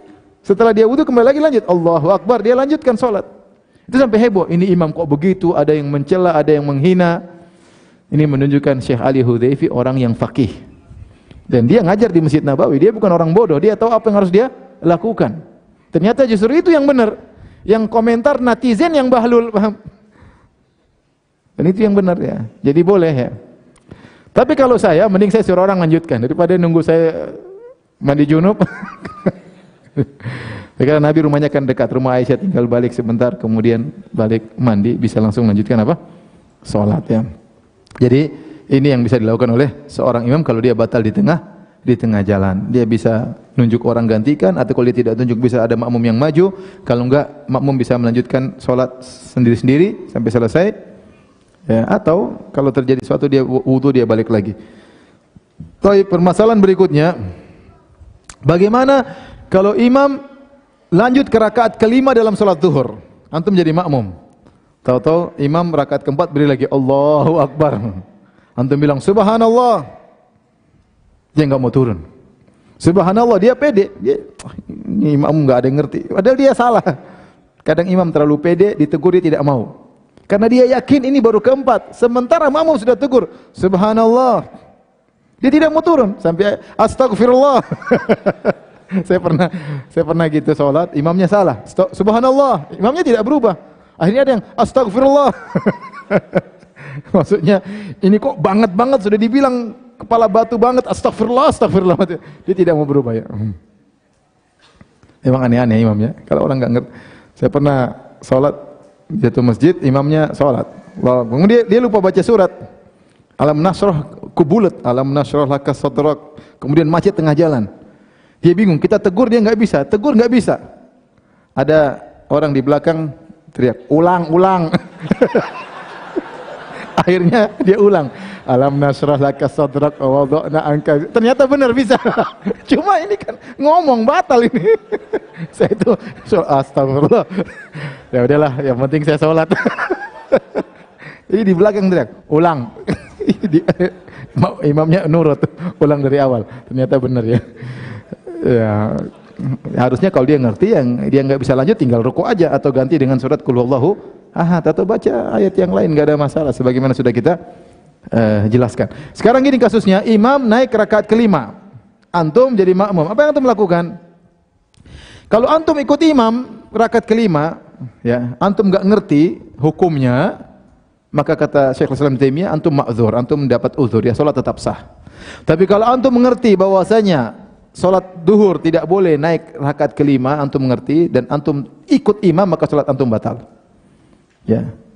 Imamnya kalau dia ngerti itu rakaat kelima dia batal sholatnya. Tapi kalau dia meyakini itu rakaat keempat dia dapat uzur.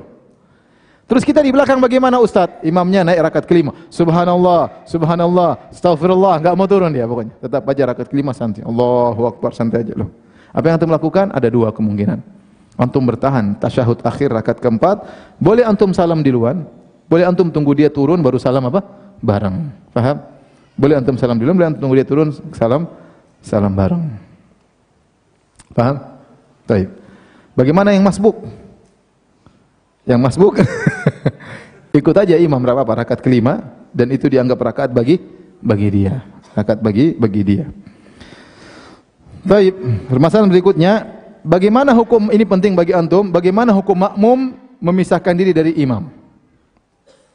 Ini pernah terjadi kasus di zaman Nabi SAW tatkala Muaz bin Jabal salat Isya Muaz bin Jabal radhiyallahu anhu jadi imam salat Isya. Kemudian ternyata dia bacanya panjang, baca surat Al-Baqarah. Ternyata para sahabat yang jadi makmum mereka bekerja siang hari, mereka capek, pingin tidur, pingin istirahat. Ternyata imamnya baca surat apa? Al-Baqarah. Akhirnya ada seorang sahabat yang dia capek mungkin Muawiyah lagi baca surat Al-Baqarah, dia sholat sendiri, lanjutin sendiri. Assalamualaikum, assalamualaikum pulang kelamaan imamnya. Akhirnya ada yang lapor, eh, wahai Mu'ad, tadi ada satu, orang dia lanjutin sendiri. Kata Mu'ad bin Jabal itu orang munafik. Orang ini waktu dibilang munafik dia tersinggung. Maka dia lapor kepada Nabi sallallahu alaihi wasallam, Mu'ad bilang saya munafik. Maka Nabi panggil Mu'ad bin Jabal. Mu'ad disalahkan oleh Nabi. Afatanun anta ya Mu'ad? Kau bukan tukang bikin fitnah wahai Mu'ad. Jangan kau bikin orang lari daripada salat. Orang malah salat berjamaah. Ya karena asalnya seorang kalau jadi imam fal yukhaffif. Hendaknya dia ringankan kata Nabi sallallahu alaihi wasallam. Adapun kalau dia salat sendiri, salat terserah mau kaki bengkak, mau telinga bengkak, mau tangan bengkak terserah. Tapi kalau ente jadi imam, ente lihat kedudukan makmum di belakang, maka Nabi menegur, "Aina anta min sabbihisma rabbikal a'la wasyamsi wa duhaha?" Ya dalam riwayat, uh, "Idza sama'un fatarat Wahai Mu'ad, kenapa kau tidak baca surat Sabbih isma rabbikal a'la dalam riwayat wadduha dalam riwayat idza sama'un fatarat itu yang pantas dibaca dalam salat Isya. Jangan baca surat apa? Al-Baqarah. Jangan baca surat Al-Baqarah. Ini saya ingatkan kepada imam. Wahai imam sekalian, kalau antum jadi imam, ingat, antum jadi imam itu untuk salat buat makmum, bukan tempat murojaah jadi imam ya. Murojaah jadi imam baca satu surat subhanallah. Orang di belakang gemetar ya.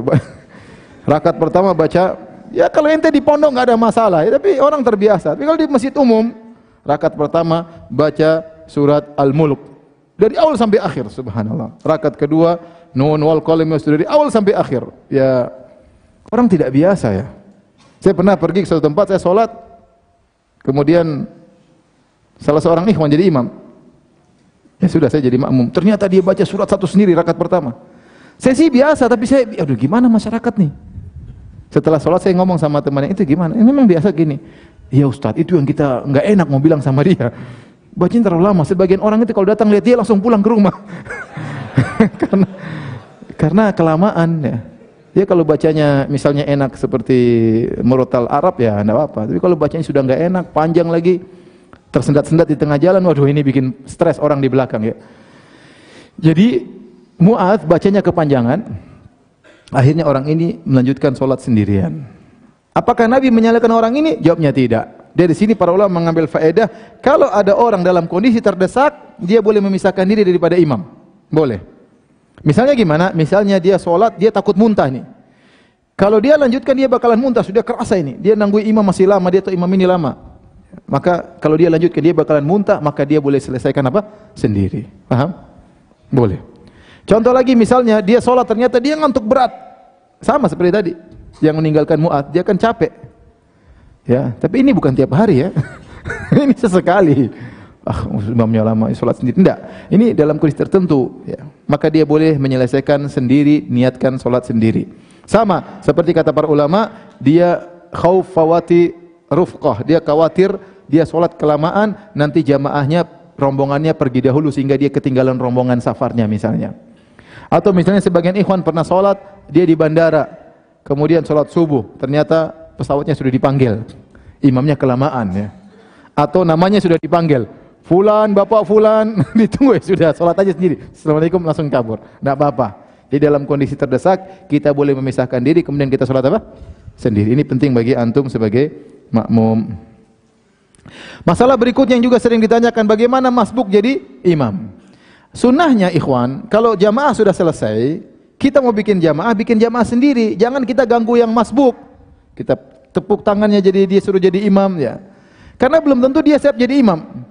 Dan pernah ada kejadian orang sholat ditegur gini. dia nggak mau, ente dia mungkin tajudnya nggak bagus, mungkin hafalan yang nggak ada, ente paksa dia jadi imam. Apalagi sholat isya, aduh, bingung dia. Dia nggak mau jadi imam. Jadi sunnahnya sunnahnya kalau antum terlambat bikin jamaah kedua nggak ada masalah. Ya. Tetapi seandainya ada yang menepuk pundak antum atau langsung di belakang antum, ya. uh, kalau di Saudi saya tidak ada tepuk-tepukan ya. Jadi kalau orang langsung samping orang ngerti. Jadi apa? Makmum. Tidak perlu ditepuk-tepuk. Di Indonesia yang saya lihat apa? Tepuk-tepuk. Tapi tidak itu isyarat nggak ada masalah. Nggak nggak ada masalah. Uh, tetapi kalau seorang bermakmum kepada kita kita masbuk, kita sholat, sholatnya sah, nggak ada masalah. Tetapi tidak dianjurkan kata Syekh Utsaimin rahimahullah. Contoh seperti makmum ada tinggal tiga orang, seorang sudah selesai sholat, tinggal tiga orang, maka yang tengah maju jadi imam. Apakah boleh? Hukumnya boleh, tapi tidak dianjurkan. Paham? Hukumnya boleh, tapi tidak dianjurkan. Yang dianjurkan bikin jamaah kedua kalau mau memang jamaah kedua, bukan akhirnya masbuk ditepuk sana, ujung sana masbuk tepuk lagi ya. Ya, tiga orang saling tepuk-tepukan, ente aja. Enggak. Tapi, tapi boleh hukumnya. Ini permasalahan yang terakhir mengenai masalah imam dan makmum adalah kalau kita punya mazhab yang berbeda dengan imam. Contoh, imam memandang disunahkan kunut subuh setiap salat subuh. Kita memandang tidak disunahkan kunut subuh. Ya, atau sebaliknya, imam memandang tidak kunut subuh sementara kita meyakini kunut subuh sebagaimana mazhab Syafi'i dan mazhab Maliki bahwasanya dianjurkan setiap salat subuh. Apa yang kita lakukan? Aturannya pendapat yang lebih kuat secara dalil bahwasanya imam makmum tidak boleh menyelisih imam. Kata Nabi SAW, Inna ma ju'ilal imamu liyutamma bih. Sungguhnya dijadikan imam untuk diikuti. Fala takhtalifu alaihi, maka jangan kalian menyelisihinya. Kata para ulama maksudnya pada perkara yang zahir. Perkara yang zahir maka tidak kita jangan menyelisih apa? Imam. Ya. Artinya kalau imam melakukan suatu gerakan kita ikuti. Makanya Nabi mengatakan idza kabbara fakabbiru. Kalau dia takbir maka takbir. Ini gerakan yang zahir.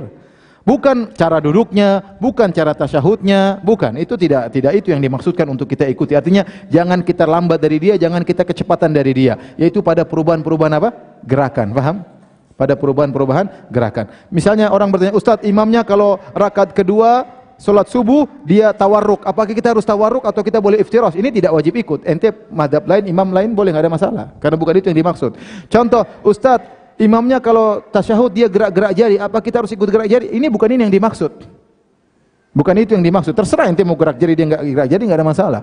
Sama seperti imam kalau ruku dia baca doa rukunya beda. Apa kita harus ikut? Kita enggak dengar bagaimana mau ngikut. Jadi bukan itu yang dimaksudkan, tapi gerakan-gerakan perpindahan itu harus kita ikuti. Kalau imam takbir kita takbir. Oleh dari situ dari karena karena itu maka ulama khilaf tentang bagaimana kalau imamnya kunut. Pendapat yang benar kita ikut kunut. Kenapa? Karena ini masalah ijtihadiyah. Beda kalau imamnya solat subuh rakaat ketiga jangan ikut.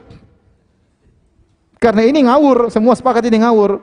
Tapi ini masalahnya imam melakukan satu perkara ijtihadiyah. Menurut dia kunut adalah sunnah. Maka kita sebagai makmum karena ini masalah ijtihadiyah kita ikut imam. Maka ini fatwa Imam Ahmad, fatwa Syekh Utsaimin, fatwa Ibn Taimiyah rahimahullah yang Imam Ahmad, Ibnu Utsaimin, Ibnu Taimiyah memandang kunut subuh tidak sunnah. Mereka semua memandang kunut subuh tidak sunnah, tapi mereka semua yang berfatwa berdasarkan dalil yang ada, kalau imam kunut kita ikut apa? Kunut. Faham? Kalau imam kunut karena ini termasuk gerakan-gerakan yang zahir. Ya. Bagaimana imam kunut kemudian kita menyelisihi, kita tidak kunut. Memang ada sebagian ulama yang mengatakan tidak kunut, tapi saya katakan ini pendapat yang lebih kuat. Imam kunut maka kita ikut ikut kunut. Sebaliknya kalau imam tidak kunut, kita jangan kunut sendiri. Ini saya sering lihat di Masjid Nabawi orang Indonesia karena terbiasa kunut subuh mazhab Syafi'i, begitu salat di Masjid Nabawi imamnya enggak kunut dia kunut sendiri, cuek aja. Subhanallah, nekat menyelisih apa? Imam. Jangan ya. Maka uh, kita wajib mengikuti imam pada perkara-perkara yang zahir terutama perkara ijtihadiyah.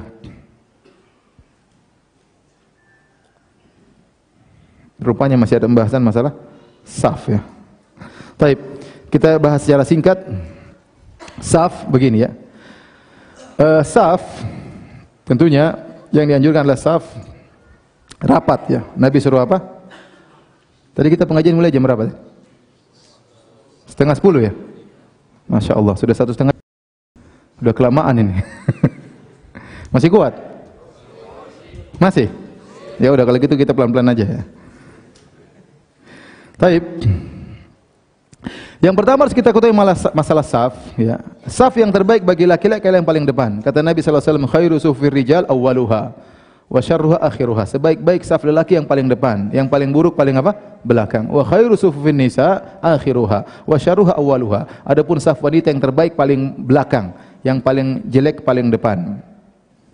Ya, Nabi juga mengatakan, "Lau ya'lamun nas ma fin nida wa safil awwal lam thumma lam yajidul an yastahimu lastahamu. Kalau orang-orang tahu tentang keutamaan azan dan keutamaan saf pertama kemudian mereka tidak bisa memperebutkan kecuali dengan mengundi maka mereka akan mengundi. Ya artinya ini motivasi dari nabi. Sungguhnya saf pertama itu pahalanya luar biasa demikian juga mengumandangkan azan juga pahalanya luar luar biasa jadi seorang berusaha untuk sah paling depan. Semakin depan semakin baik, semakin dekat dengan imam semakin baik bagi laki-laki. Adapun perempuan yang terbaik yang paling belakang. Kenapa yang paling terbaik yang paling belakang? Karena dia paling jauh dari lelaki. Karena zaman dahulu tidak ada sitar. Di Masjid Nabi tidak ada apa? Sitar, ya. Oleh karenanya perempuan yang paling baik yang paling jauh. Tetapi kalau masjid sudah ada sitarnya, maka sebenarnya mengatakan yang paling depan yang lebih bagus ya. Kalau benar-benar terpisah antara laki-laki dengan perempuan seperti Masjid Nabi benar-benar ada tembok ruangan perempuan sendiri, ruangan laki-laki sendiri, maka yang paling baik adalah yang paling depan. Tetapi kalau memang masih kelihatan lelaki dengan wanita, kalau dia balik dia saling melihat, maka yang terbaik yang paling belakang ya. Karena lebih jauh dari percampuran dengan lelaki. Taib. Kemudian Rasulullah SAW memerintahkan untuk merapatkan saf. Ya, ini penting untuk kita ketahui merapatkan saf. Ya, Kata Nabi SAW, Rasu sufufakum wa qaribu bainaha wa hadhu bil a'naq. Rasulullah suruh rapat, lurus, ya sawu sufufakum lurus dan rapat. Jadi saf yang sempurna adalah saf yang lurus dan apa? Dan rapat. Bukan hanya sekedar lurus. Kesempurnaan salat dua. Kesempurnaan saf adalah lurus dan apa? Rapat. Nah, sejauh mana rapat? rapat ya kata Anas bin Malik wa kana ahaduna yulziku mankibahu bimangkibi sahibihi wa qadamahu biqadamihi. Kata Anas bin Malik dan salah seorang dari kami menempelkan pundaknya dengan pundak temannya dan kakinya dengan kaki temannya. Sebagian orang subhanallah tidak tahu dia tahu bahasa Arab atau tidak dia mengatakan ahaduna berarti cuma satu orang yang melakukan. Padahal ini ibarat dalam maksudnya kita melakukan demikian ya.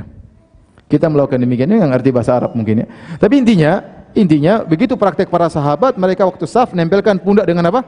Pundak. Bahu dengan uh, kaki dengan apa? Kaki. Ini untuk menunjukkan kerapatan. Bahkan beliau berkata, "Falau dhahabta taf'alu hadzal yauma lanafaru ahadukum ka'annahu baglu syamus." Ya, dalam riwayat Ibnu Abi Syaibah ada tambahan kata Anas, "Jika kau melakukannya hari ini, orang akan lari darimu seperti uh, apa namanya himar atau begol yang liar. Ya. Artinya orang tidak suka. Padahal itu sunnah Nabi Shallallahu Alaihi Wasallam. Orang kalau ingin bikin saf, dia ingin daerah kekuasaannya sendiri ya. Kadang dia bawa apa namanya saja ada kemudian ujungnya gini sudah. Jangan ada yang ganggu ya. Kita disuruh ngerapatin. Ya di situ menunjukkan kesatuan hati. Ya, tetapi dengan lemah lembut tentunya. Ya. Kemudian Nu'man bin Bashir juga berkata dalam hadis yang lain, "Ra'aitu rajula minna yulziku ka'bahu bi ka'bi sahibihi." Aku melihat bahwasanya dari kami menempelkan apa namanya? mata kakinya dengan mata kaki apa? temannya. Taib. Ini mereka salat di belakang Nabi dan di antara keistimewaan Nabi kalau salat Nabi bisa lihat di belakang. Nabi di antara mukjizat Nabi, Nabi kalau salat dia lihat ke depan juga lihat ke mana ke ke belakang. Seandainya apa yang dilakukan oleh sahabat ini salah, pasti Nabi tegur, eh ente terlalu kenceng kalau sholatnya. Ya. Jangan begitu, nggak perlu. Tapi Nabi biarkan, dan itu praktek para sahabat di belakang Nabi Wasallam. Dan inilah yang dipahami oleh Al Imam Al Bukhari dalam Sahihnya. Beliau berkata, bab ilzaqil mangkib bil mangkib wal qadam bil qadam fi saf. Bab tentang menempelkan pundak dengan pundak dan kaki dengan kaki dalam saf. Jadi kalau ingin ngatur saf supaya sempurna, memang kaki tempel dengan kaki, pundak dengan apa? Pundak. Ibnu Hajar juga memahami demikian. Apa Ibnu Hajar? Wal muradu bidzalika al mubaghalatu fi fal al mubalaghatu fi ta'dili saf wa saddi khalalihi. Yang dimaksud oleh Imam Bukhari tentang bab ini adalah al mubalaghah yaitu kesungguhan dalam meluruskan saf dan men, men, men, menutup lubang-lubang dalam saf. Jadi dia menjelaskan tentang maksud Imam Bukhari. Jadi maksudnya praktek yang benar, seorang kalau sholat berusaha mata kaki tempel dengan mata kaki. Sebisa mungkin ya, ya. Tapi jangan dipaksa. Kalau orangnya tidak mau, kemudian kita sampai maksa-maksain ya, sampai kita buka kaki lebar, dia nggak mau ya sudah lah. Yang penting kita berusaha ya. Ya, kita berusaha menjalankan apa? Sunnah. Kalau kita tidak menjalankan, siapa lagi yang mau menghidupkan sunnah? Sunnah ini ya. ya. Meskipun orang terkadang terganggu. Nah kita juga dengan lembut. Jangan kemudian kita paksa, terkadang kita injak kakinya, nggak boleh. Nggak boleh ya. Ada kejadian saya diceritain sama kawan, bukan ini saya di luar negeri.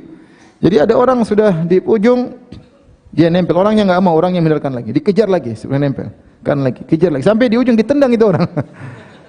ya kalau dia nggak mau ya sudah, ente tidak disuruh untuk kejar dia, ente berusaha jalankan sunnah, dia nggak mau ya sudahlah. Ya. Taib. Uh, bahkan kata Nabi SAW, linu bi aidi ikhwanikum lemah lembutlah ya kalian kalau ada ada saudara yang yang ingin masuk dalam saf. Kata Abu Daud menafsirkan perkataan Nabi waktu Nabi menjadi imam Nabi mengatakan sudul khalal, tutup lubang-lubang yang ada.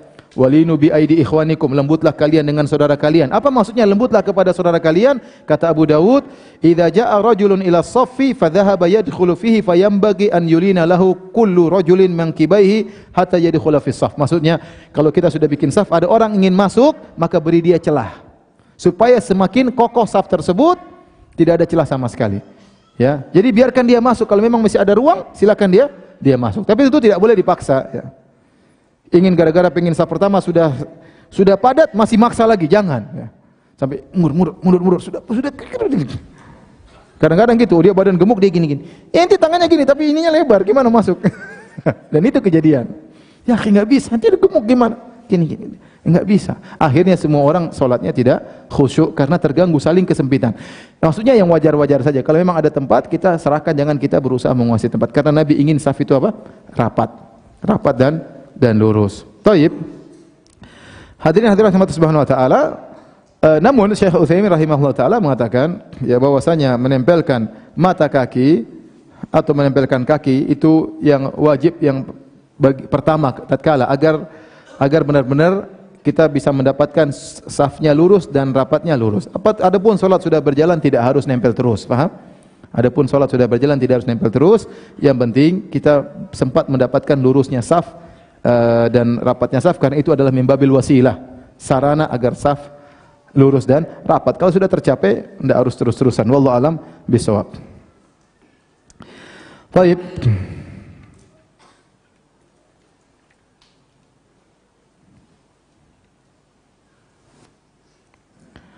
Adapun saf yang terputus maka dibenci. Ya. Saf yang terputus dari tiang ini memutuskan saf, tapi hukumnya makruh. Hukumnya apa? Makruh tidak sampai pada derajat haram. Kecuali kalau masjid sudah padat, maka tidak ada makruh lagi. Kalau masjid sudah padat tidak makruh-makruh lagi meskipun ada tiang-tiang yang memisahkan. Dia hanya makruh kalau masjid lapang jamaah tidak penuh maka makruh. Tapi kalau sudah penuh maka tidak makruh lagi. Ini kesimpulan aja. Taib, sekarang kita bahas tentang posisi imam dan makmum. Posisi imam dan makmum. Imam kalau berdua ya adalah laki-laki imamnya makmumnya laki satu maka sejajar ya. Bukan mundur ke belakang tapi apa? Sejajar. Dalilnya banyak di antaranya Nabi ada seorang sahabat jadi makmum di sebelah kiri Nabi maka Nabi putar dia suruh ke sebelah kanan. Ya memang sebagian ulama Syafi'iyah mengatakan hendaknya mundur sedikit tapi kita mengatakan zahir hadis menunjukkan sejajar dengan apa? Imam. Jika makmumnya cuma satu, satu orang. Paham? Adapun kalau makmumnya dua orang, maka dua-duanya di belakang. Imam apa? Sendirian. Paham ya? Kemudian uh, bagaimana dengan saf anak-anak? Saf anak-anak dalam datang dalam hadis dalam Sahih Bukhari waktu Nabi SAW mengunjungi rumahnya Anas bin Malik, maka Nabi jadi imam, maka Anas jadi makmum bersama seorang anak yatim di samping Anas. Baru kemudian nenek tua di belakang. Kata para ulama yang dalil bahwasanya anak-anak anak yatim itu belum balik. Karena meskipun belum balik dia boleh gabung dengan saf orang dewasa. Dia boleh gabung dengan saf orang dewasa. Jadi kalau ada anak kecil kita bawa ke masjid dan dia sudah di saf depan maka tidak boleh kita pindahkan. Dia sudah datang terlebih dahulu. Tetapi jangan letakkan dia persis di belakang imam. Tidak boleh. Ini belakang imam orang-orang yang khusus yang bisa menegur imam. Adapun dia sebelah kanan, sebelah kiri. Saf pertama, tidak boleh kita bilang, dek di belakang dek. Tidak boleh. Om siapa suruh terlambat. Iya. Banyak di masjid melakukan kesalahan. Anak kecil disuruh belakang, akhirnya kumpulan anak-anak kecil bikin geng di belakang. Ngobrol sendiri. Ini itu kejadian. Harusnya bapaknya kalau bawa anaknya, misalnya sudah memayis bisa dikasih diomongin, maka di samping bapaknya biar dia tidak macam-macam. Ya, kalau dia di samping bapaknya kemudian sebelahnya anak kecil juga ngobrol nanti mereka dan itu kejadian banyak. Maka jangan di, justru jangan digabungkan anak-anak untuk melatih mereka senang dengan masjid. Ya, kalau ada pun kesalahan kita kita maafkanlah. Karena kita tidak biasakan anak-anak ke masjid, terus kapan mereka mau ke masjid apalagi zaman sekarang ini. Anak-anak ini yang ribut-ribut mungkin di masjid, ya Ya, suatu saat mereka akan jadi orang hebat yang bertakwa kepada Allah. Mana suka main-main Makanya kita siasati eh anak-anak di belakang semua. Ya bikin geng mereka di belakang. Mungkin imamnya belum walat dolin dia sudah amin di luar. Dan itu kejadian ya. Maka jangan jangan dikumpulkan ya sudah. Jadi tidak mengapa anak-anak safnya digabungkan dengan orang dewasa berdasarkan dalil yang ada. Taib. Uh, adapun kalau makmumnya seorang wanita, misalnya kita sholat malam bersama istri kita, maka jangan di samping, tetap di belakang. Belakangnya begini, paham ya? ya. Yang samping kita kalau apa? Laki-laki. Kalau perempuan maka di di belakang. Satu orang pun tetap di di belakang. Kalau kondisi sempit, misalnya masjid full, nggak ada tempat, maka boleh makmum maju. Ini kalau dalam kondisi darurat, makmum maju satu deret dengan imam. Satu tidak dengan apa? Imam. Sebagian orang salah paham. Mereka menjaga kalau masjid full, maka imam sebelah kiri, makmum sebelah kanan semua. Ini salah. Tidak, imam tetap di tengah meskipun laki-laki. Karena hukum asal saf laki-laki dengan saf perempuan hukumnya sama. Bahkan Syekh Utsaimin mengatakan dulu awalnya solat itu juga begitu, laki-laki di tengah bukan di depan. Kemudian berubah Tapi saya belum saya belum ketemukan dalil ini, tapi ini pendapat Syekh Utsaimin. Tapi intinya bahwasanya hukum asal salat laki-laki dengan salat perempuan sama. Salat perempuan imam di sebelah kiri atau di tengah? Di tengah. Demikian juga laki-laki kalau masjid padat boleh makmum maju sejajar dengan imam dan imam bukan paling sebelah kiri, tetap di tengah. Persis seperti makmumnya wanita. Paham? Tapi kalau tidak penuh ya hendaknya imam di depan. Sampai sini paham? Baik. Uh, bagaimana tentang hukum jamaah wanita yang safnya berdampingan dengan lelaki? Bukan di belakang tapi berdampingan. Ini banyak terjadi di masjid di masjid-masjid ya. Ya, sebagian kita masuk masjid, jamaahnya bukan belakang tapi sampingan, laki sebelah kanan, perempuan sebelah kiri. Bagaimana hukumnya? Kita katakan ini menyelisih sunnah, harusnya perempuan di bagian belakang, tapi kalau terjadi jamaah seperti ini tetap solatnya apa? Sah. Tetap solatnya apa? Sah. Paham? Saya rasa itu perkara-perkara yang masih panjang tapi saya ringkas aja, mudah-mudahan bermanfaat. Uh, selanjutnya kalau ada yang bertanya saya persilahkan wallahu taala alam bisawab. Ya, antum jangan lupa download bekal Islam. Siapa yang sudah download? Yang belum, yang belum angkat tangan coba yang belum. Ya akhi, gratis saja tidak mau download, apalagi bayar. Tinggal download ya, gratis. Yang punya HP, kalau HP jadul memang nggak bisa, mohon maaf ya. Tapi kalau HP smartphone harusnya bisa baik Android maupun iPhone. Ustadz, anak pernah sholat berjamaah, imamnya baca sholat panjang, hati anak kesel. Apakah itu mengurangi pahala sholat anak? Iya, berarti mengurangi kekhusyuan ya. Seorang kalau imamnya panjang ya dalam hati qadarullah. Sudah mau diapain? Ente kesel-kesel juga dia tidak akan mengurangi kepanjangannya. Ya sudah ente hanya menyiksa diri. Udah dalam hati qadarullah sabar aja. Kalau ente enggak kuat, ente selanjutin sendiri aja seperti tadi. Ngantuk mau jatuh atau takut ketinggalan pesawat ya selesaikan sendiri sebagaimana tadi kita jelaskan.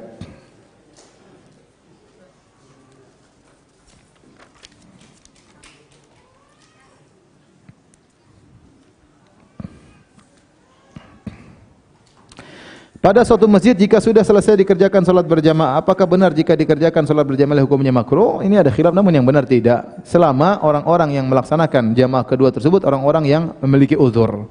Adapun menyengaja membuat jamaah kedua menyaingi imam rawatib maka ini haram hukumnya. Tidak boleh. Tapi kalau ada uzur, mungkin datang, enggak ada masalah. Nabi SAW pernah ada orang terlambat yang mengatakan, Man yatasaddaq ala hadha. Siapa yang bersedekah kepada orang ini? Agar bermakmum kepada dia, sehingga dia dapat pahala solat berjamaah. Ini dalil bahwasanya solat eh, jamaah kedua boleh. Tapi bagi orang yang ber, beruzur. Adapun sengaja membuat jamaah saingan, tandingan, ya biar imam itu kita punya imam lain yang bagus, itu enggak boleh. Karena kita jangan bertengkar di masjid.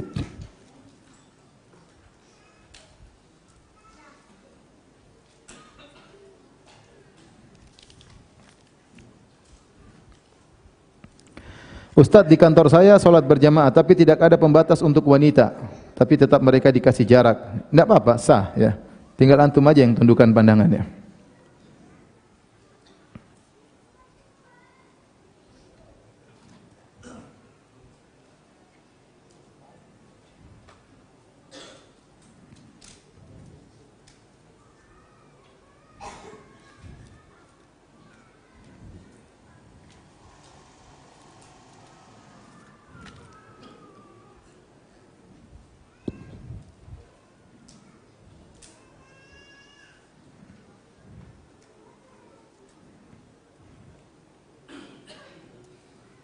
Ustaz tolong nasihati suami ana yang sekarang sholat subuh di masjidnya lagi kendor. Sudah tadi nasihati ya. Mudah-mudahan dia tidak ngantuk tadi waktu saya sampaikan. Ustaz, bagaimana dengan hadis yang melarang ke masjid dikarenakan mulut bau bawang? Apakah sholatnya di rumah? Iya, berarti dia beruzur. Dia beruzur, beruzur ya. Tetapi barang siapa yang makan dari apa sajarah ini ya, fala yaqrabanna masjidana maka jangan dekati masjid kami. Itu salat di rumah karena mengganggu orang yang lain mengganggu kekhusyuan mengganggu malaikat. Maka kalau bau jangan dibawa ke masjid.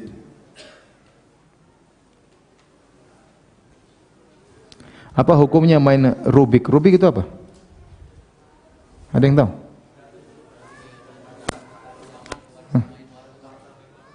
Oh, ini buat anak-anak enggak apa-apa lah, tapi kurang kerjaan. Tidak menjadikan seorang apa? pintar ya. Ada cari mainan yang bermanfaat, cari mainan yang mungkin butuh mikir, butuh ke keahlian. Ya, enggak apa-apa. Ada olahraganya, ada yang lainnya itu lebih bermanfaat.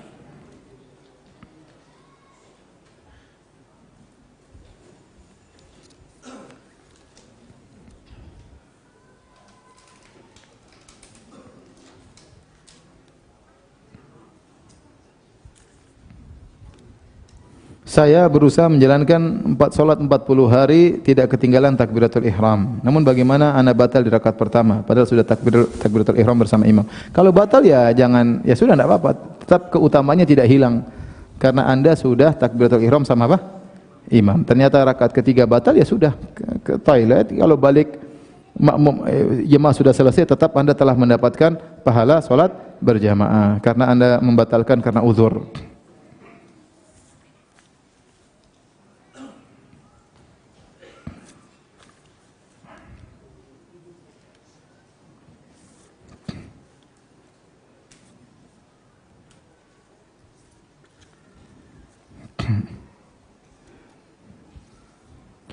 Ustaz, bagaimana cara mendidik anak-anak sholat di masjid dengan rasa cinta tanpa paksaan? Anak-anak dipaksa memang dari awal. Pelan-pelan, diajak ngobrol, nasihati. Buat mereka senang ya. Ya biar mereka ke masjid. Gimana caranya lah, masing-masing anak-anak berbeda-beda. Tetapi kita ajak ke masjid, mungkin setelah pulang dari masjid agak ajak main-main. Di tengah jalan kita ngobrol. Kasih tahu nak nanti di masjid ya, jangan ribut ya. Di masjid itu begini, begini, begini, begini. Nanti kamu pahalanya begini, begini. Bicara tentang surga dan yang lain, nggak ada masalah. Anak-anak insya Allah paham.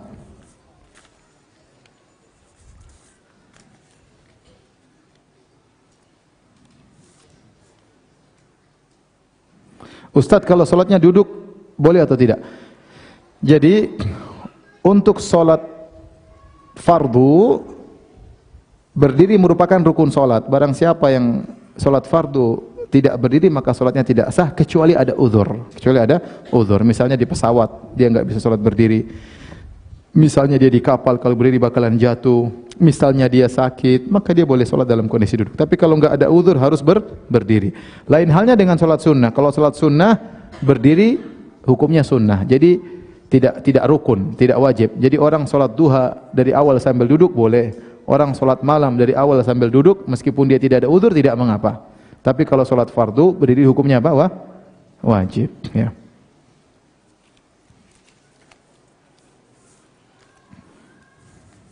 Adapun caranya bagaimana sholat di atas kursi kalau dia beruzur, ketika dia sholat berjamaah, maka yang jadi patokan saf bukan kakinya tapi pinggangnya, paham?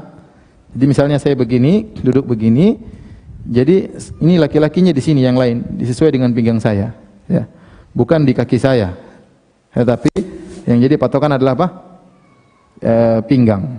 Jadi begini. Jadi Allahu Akbar. Ya, kalau saya ruku tinggal gini. Kalau sujud agak sedikit. Kalau ruku agak sedikit. Kalau sujud lebih rendah lagi. Tetapi jamaah semua di sini sesuai dengan pinggang saya. Bagaimana Ustaz kalau seorang dia bisa berdiri tapi enggak bisa ruku dan sujud? Maka kalau dia bisa berdiri, caranya dia berdiri maka yang menjadi patokan adalah kakinya. Jadi jamaah begini. Dia Allahu Akbar. Tetapi ketika dia mau ruku, karena dia nggak bisa ruku, maka dia tarik kursinya ke depan. Paham? Tarik ke depan, baru dia duduk. Karena kalau dia duduk, yang jadi patokan adalah apa? Pinggangnya. Paham? Nanti kalau dia berdiri lagi, dia mundurin lagi kursinya, baru dia berdiri lagi. Begitu caranya. Paham atau tidak? Paham? Demikian saja kajian kita. Subhanakallah bihamdik. Asyhadu an la ilaha anta Assalamualaikum warahmatullahi wabarakatuh. Ini ada hadiah ya. Saya lupa ya. Dua pertanyaan yang bisa jawab. Saya kasih hadiah. Yang pertama, siapa nama sahabat kecil yang jadi imam? Siapa? Amr bin Salamah, Masya Allah, fadal. Ini tafsir juz 29 ya, ini baru terbit ya.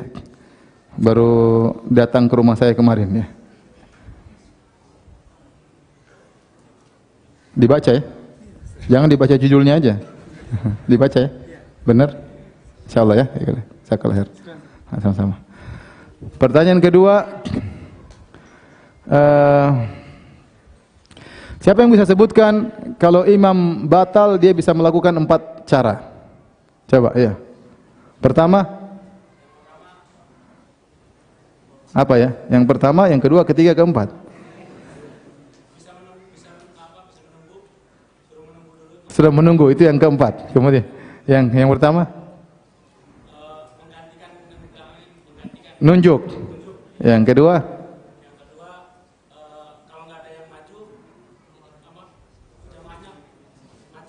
Ah, salah satu kalau tidak ditunjuk maka aja.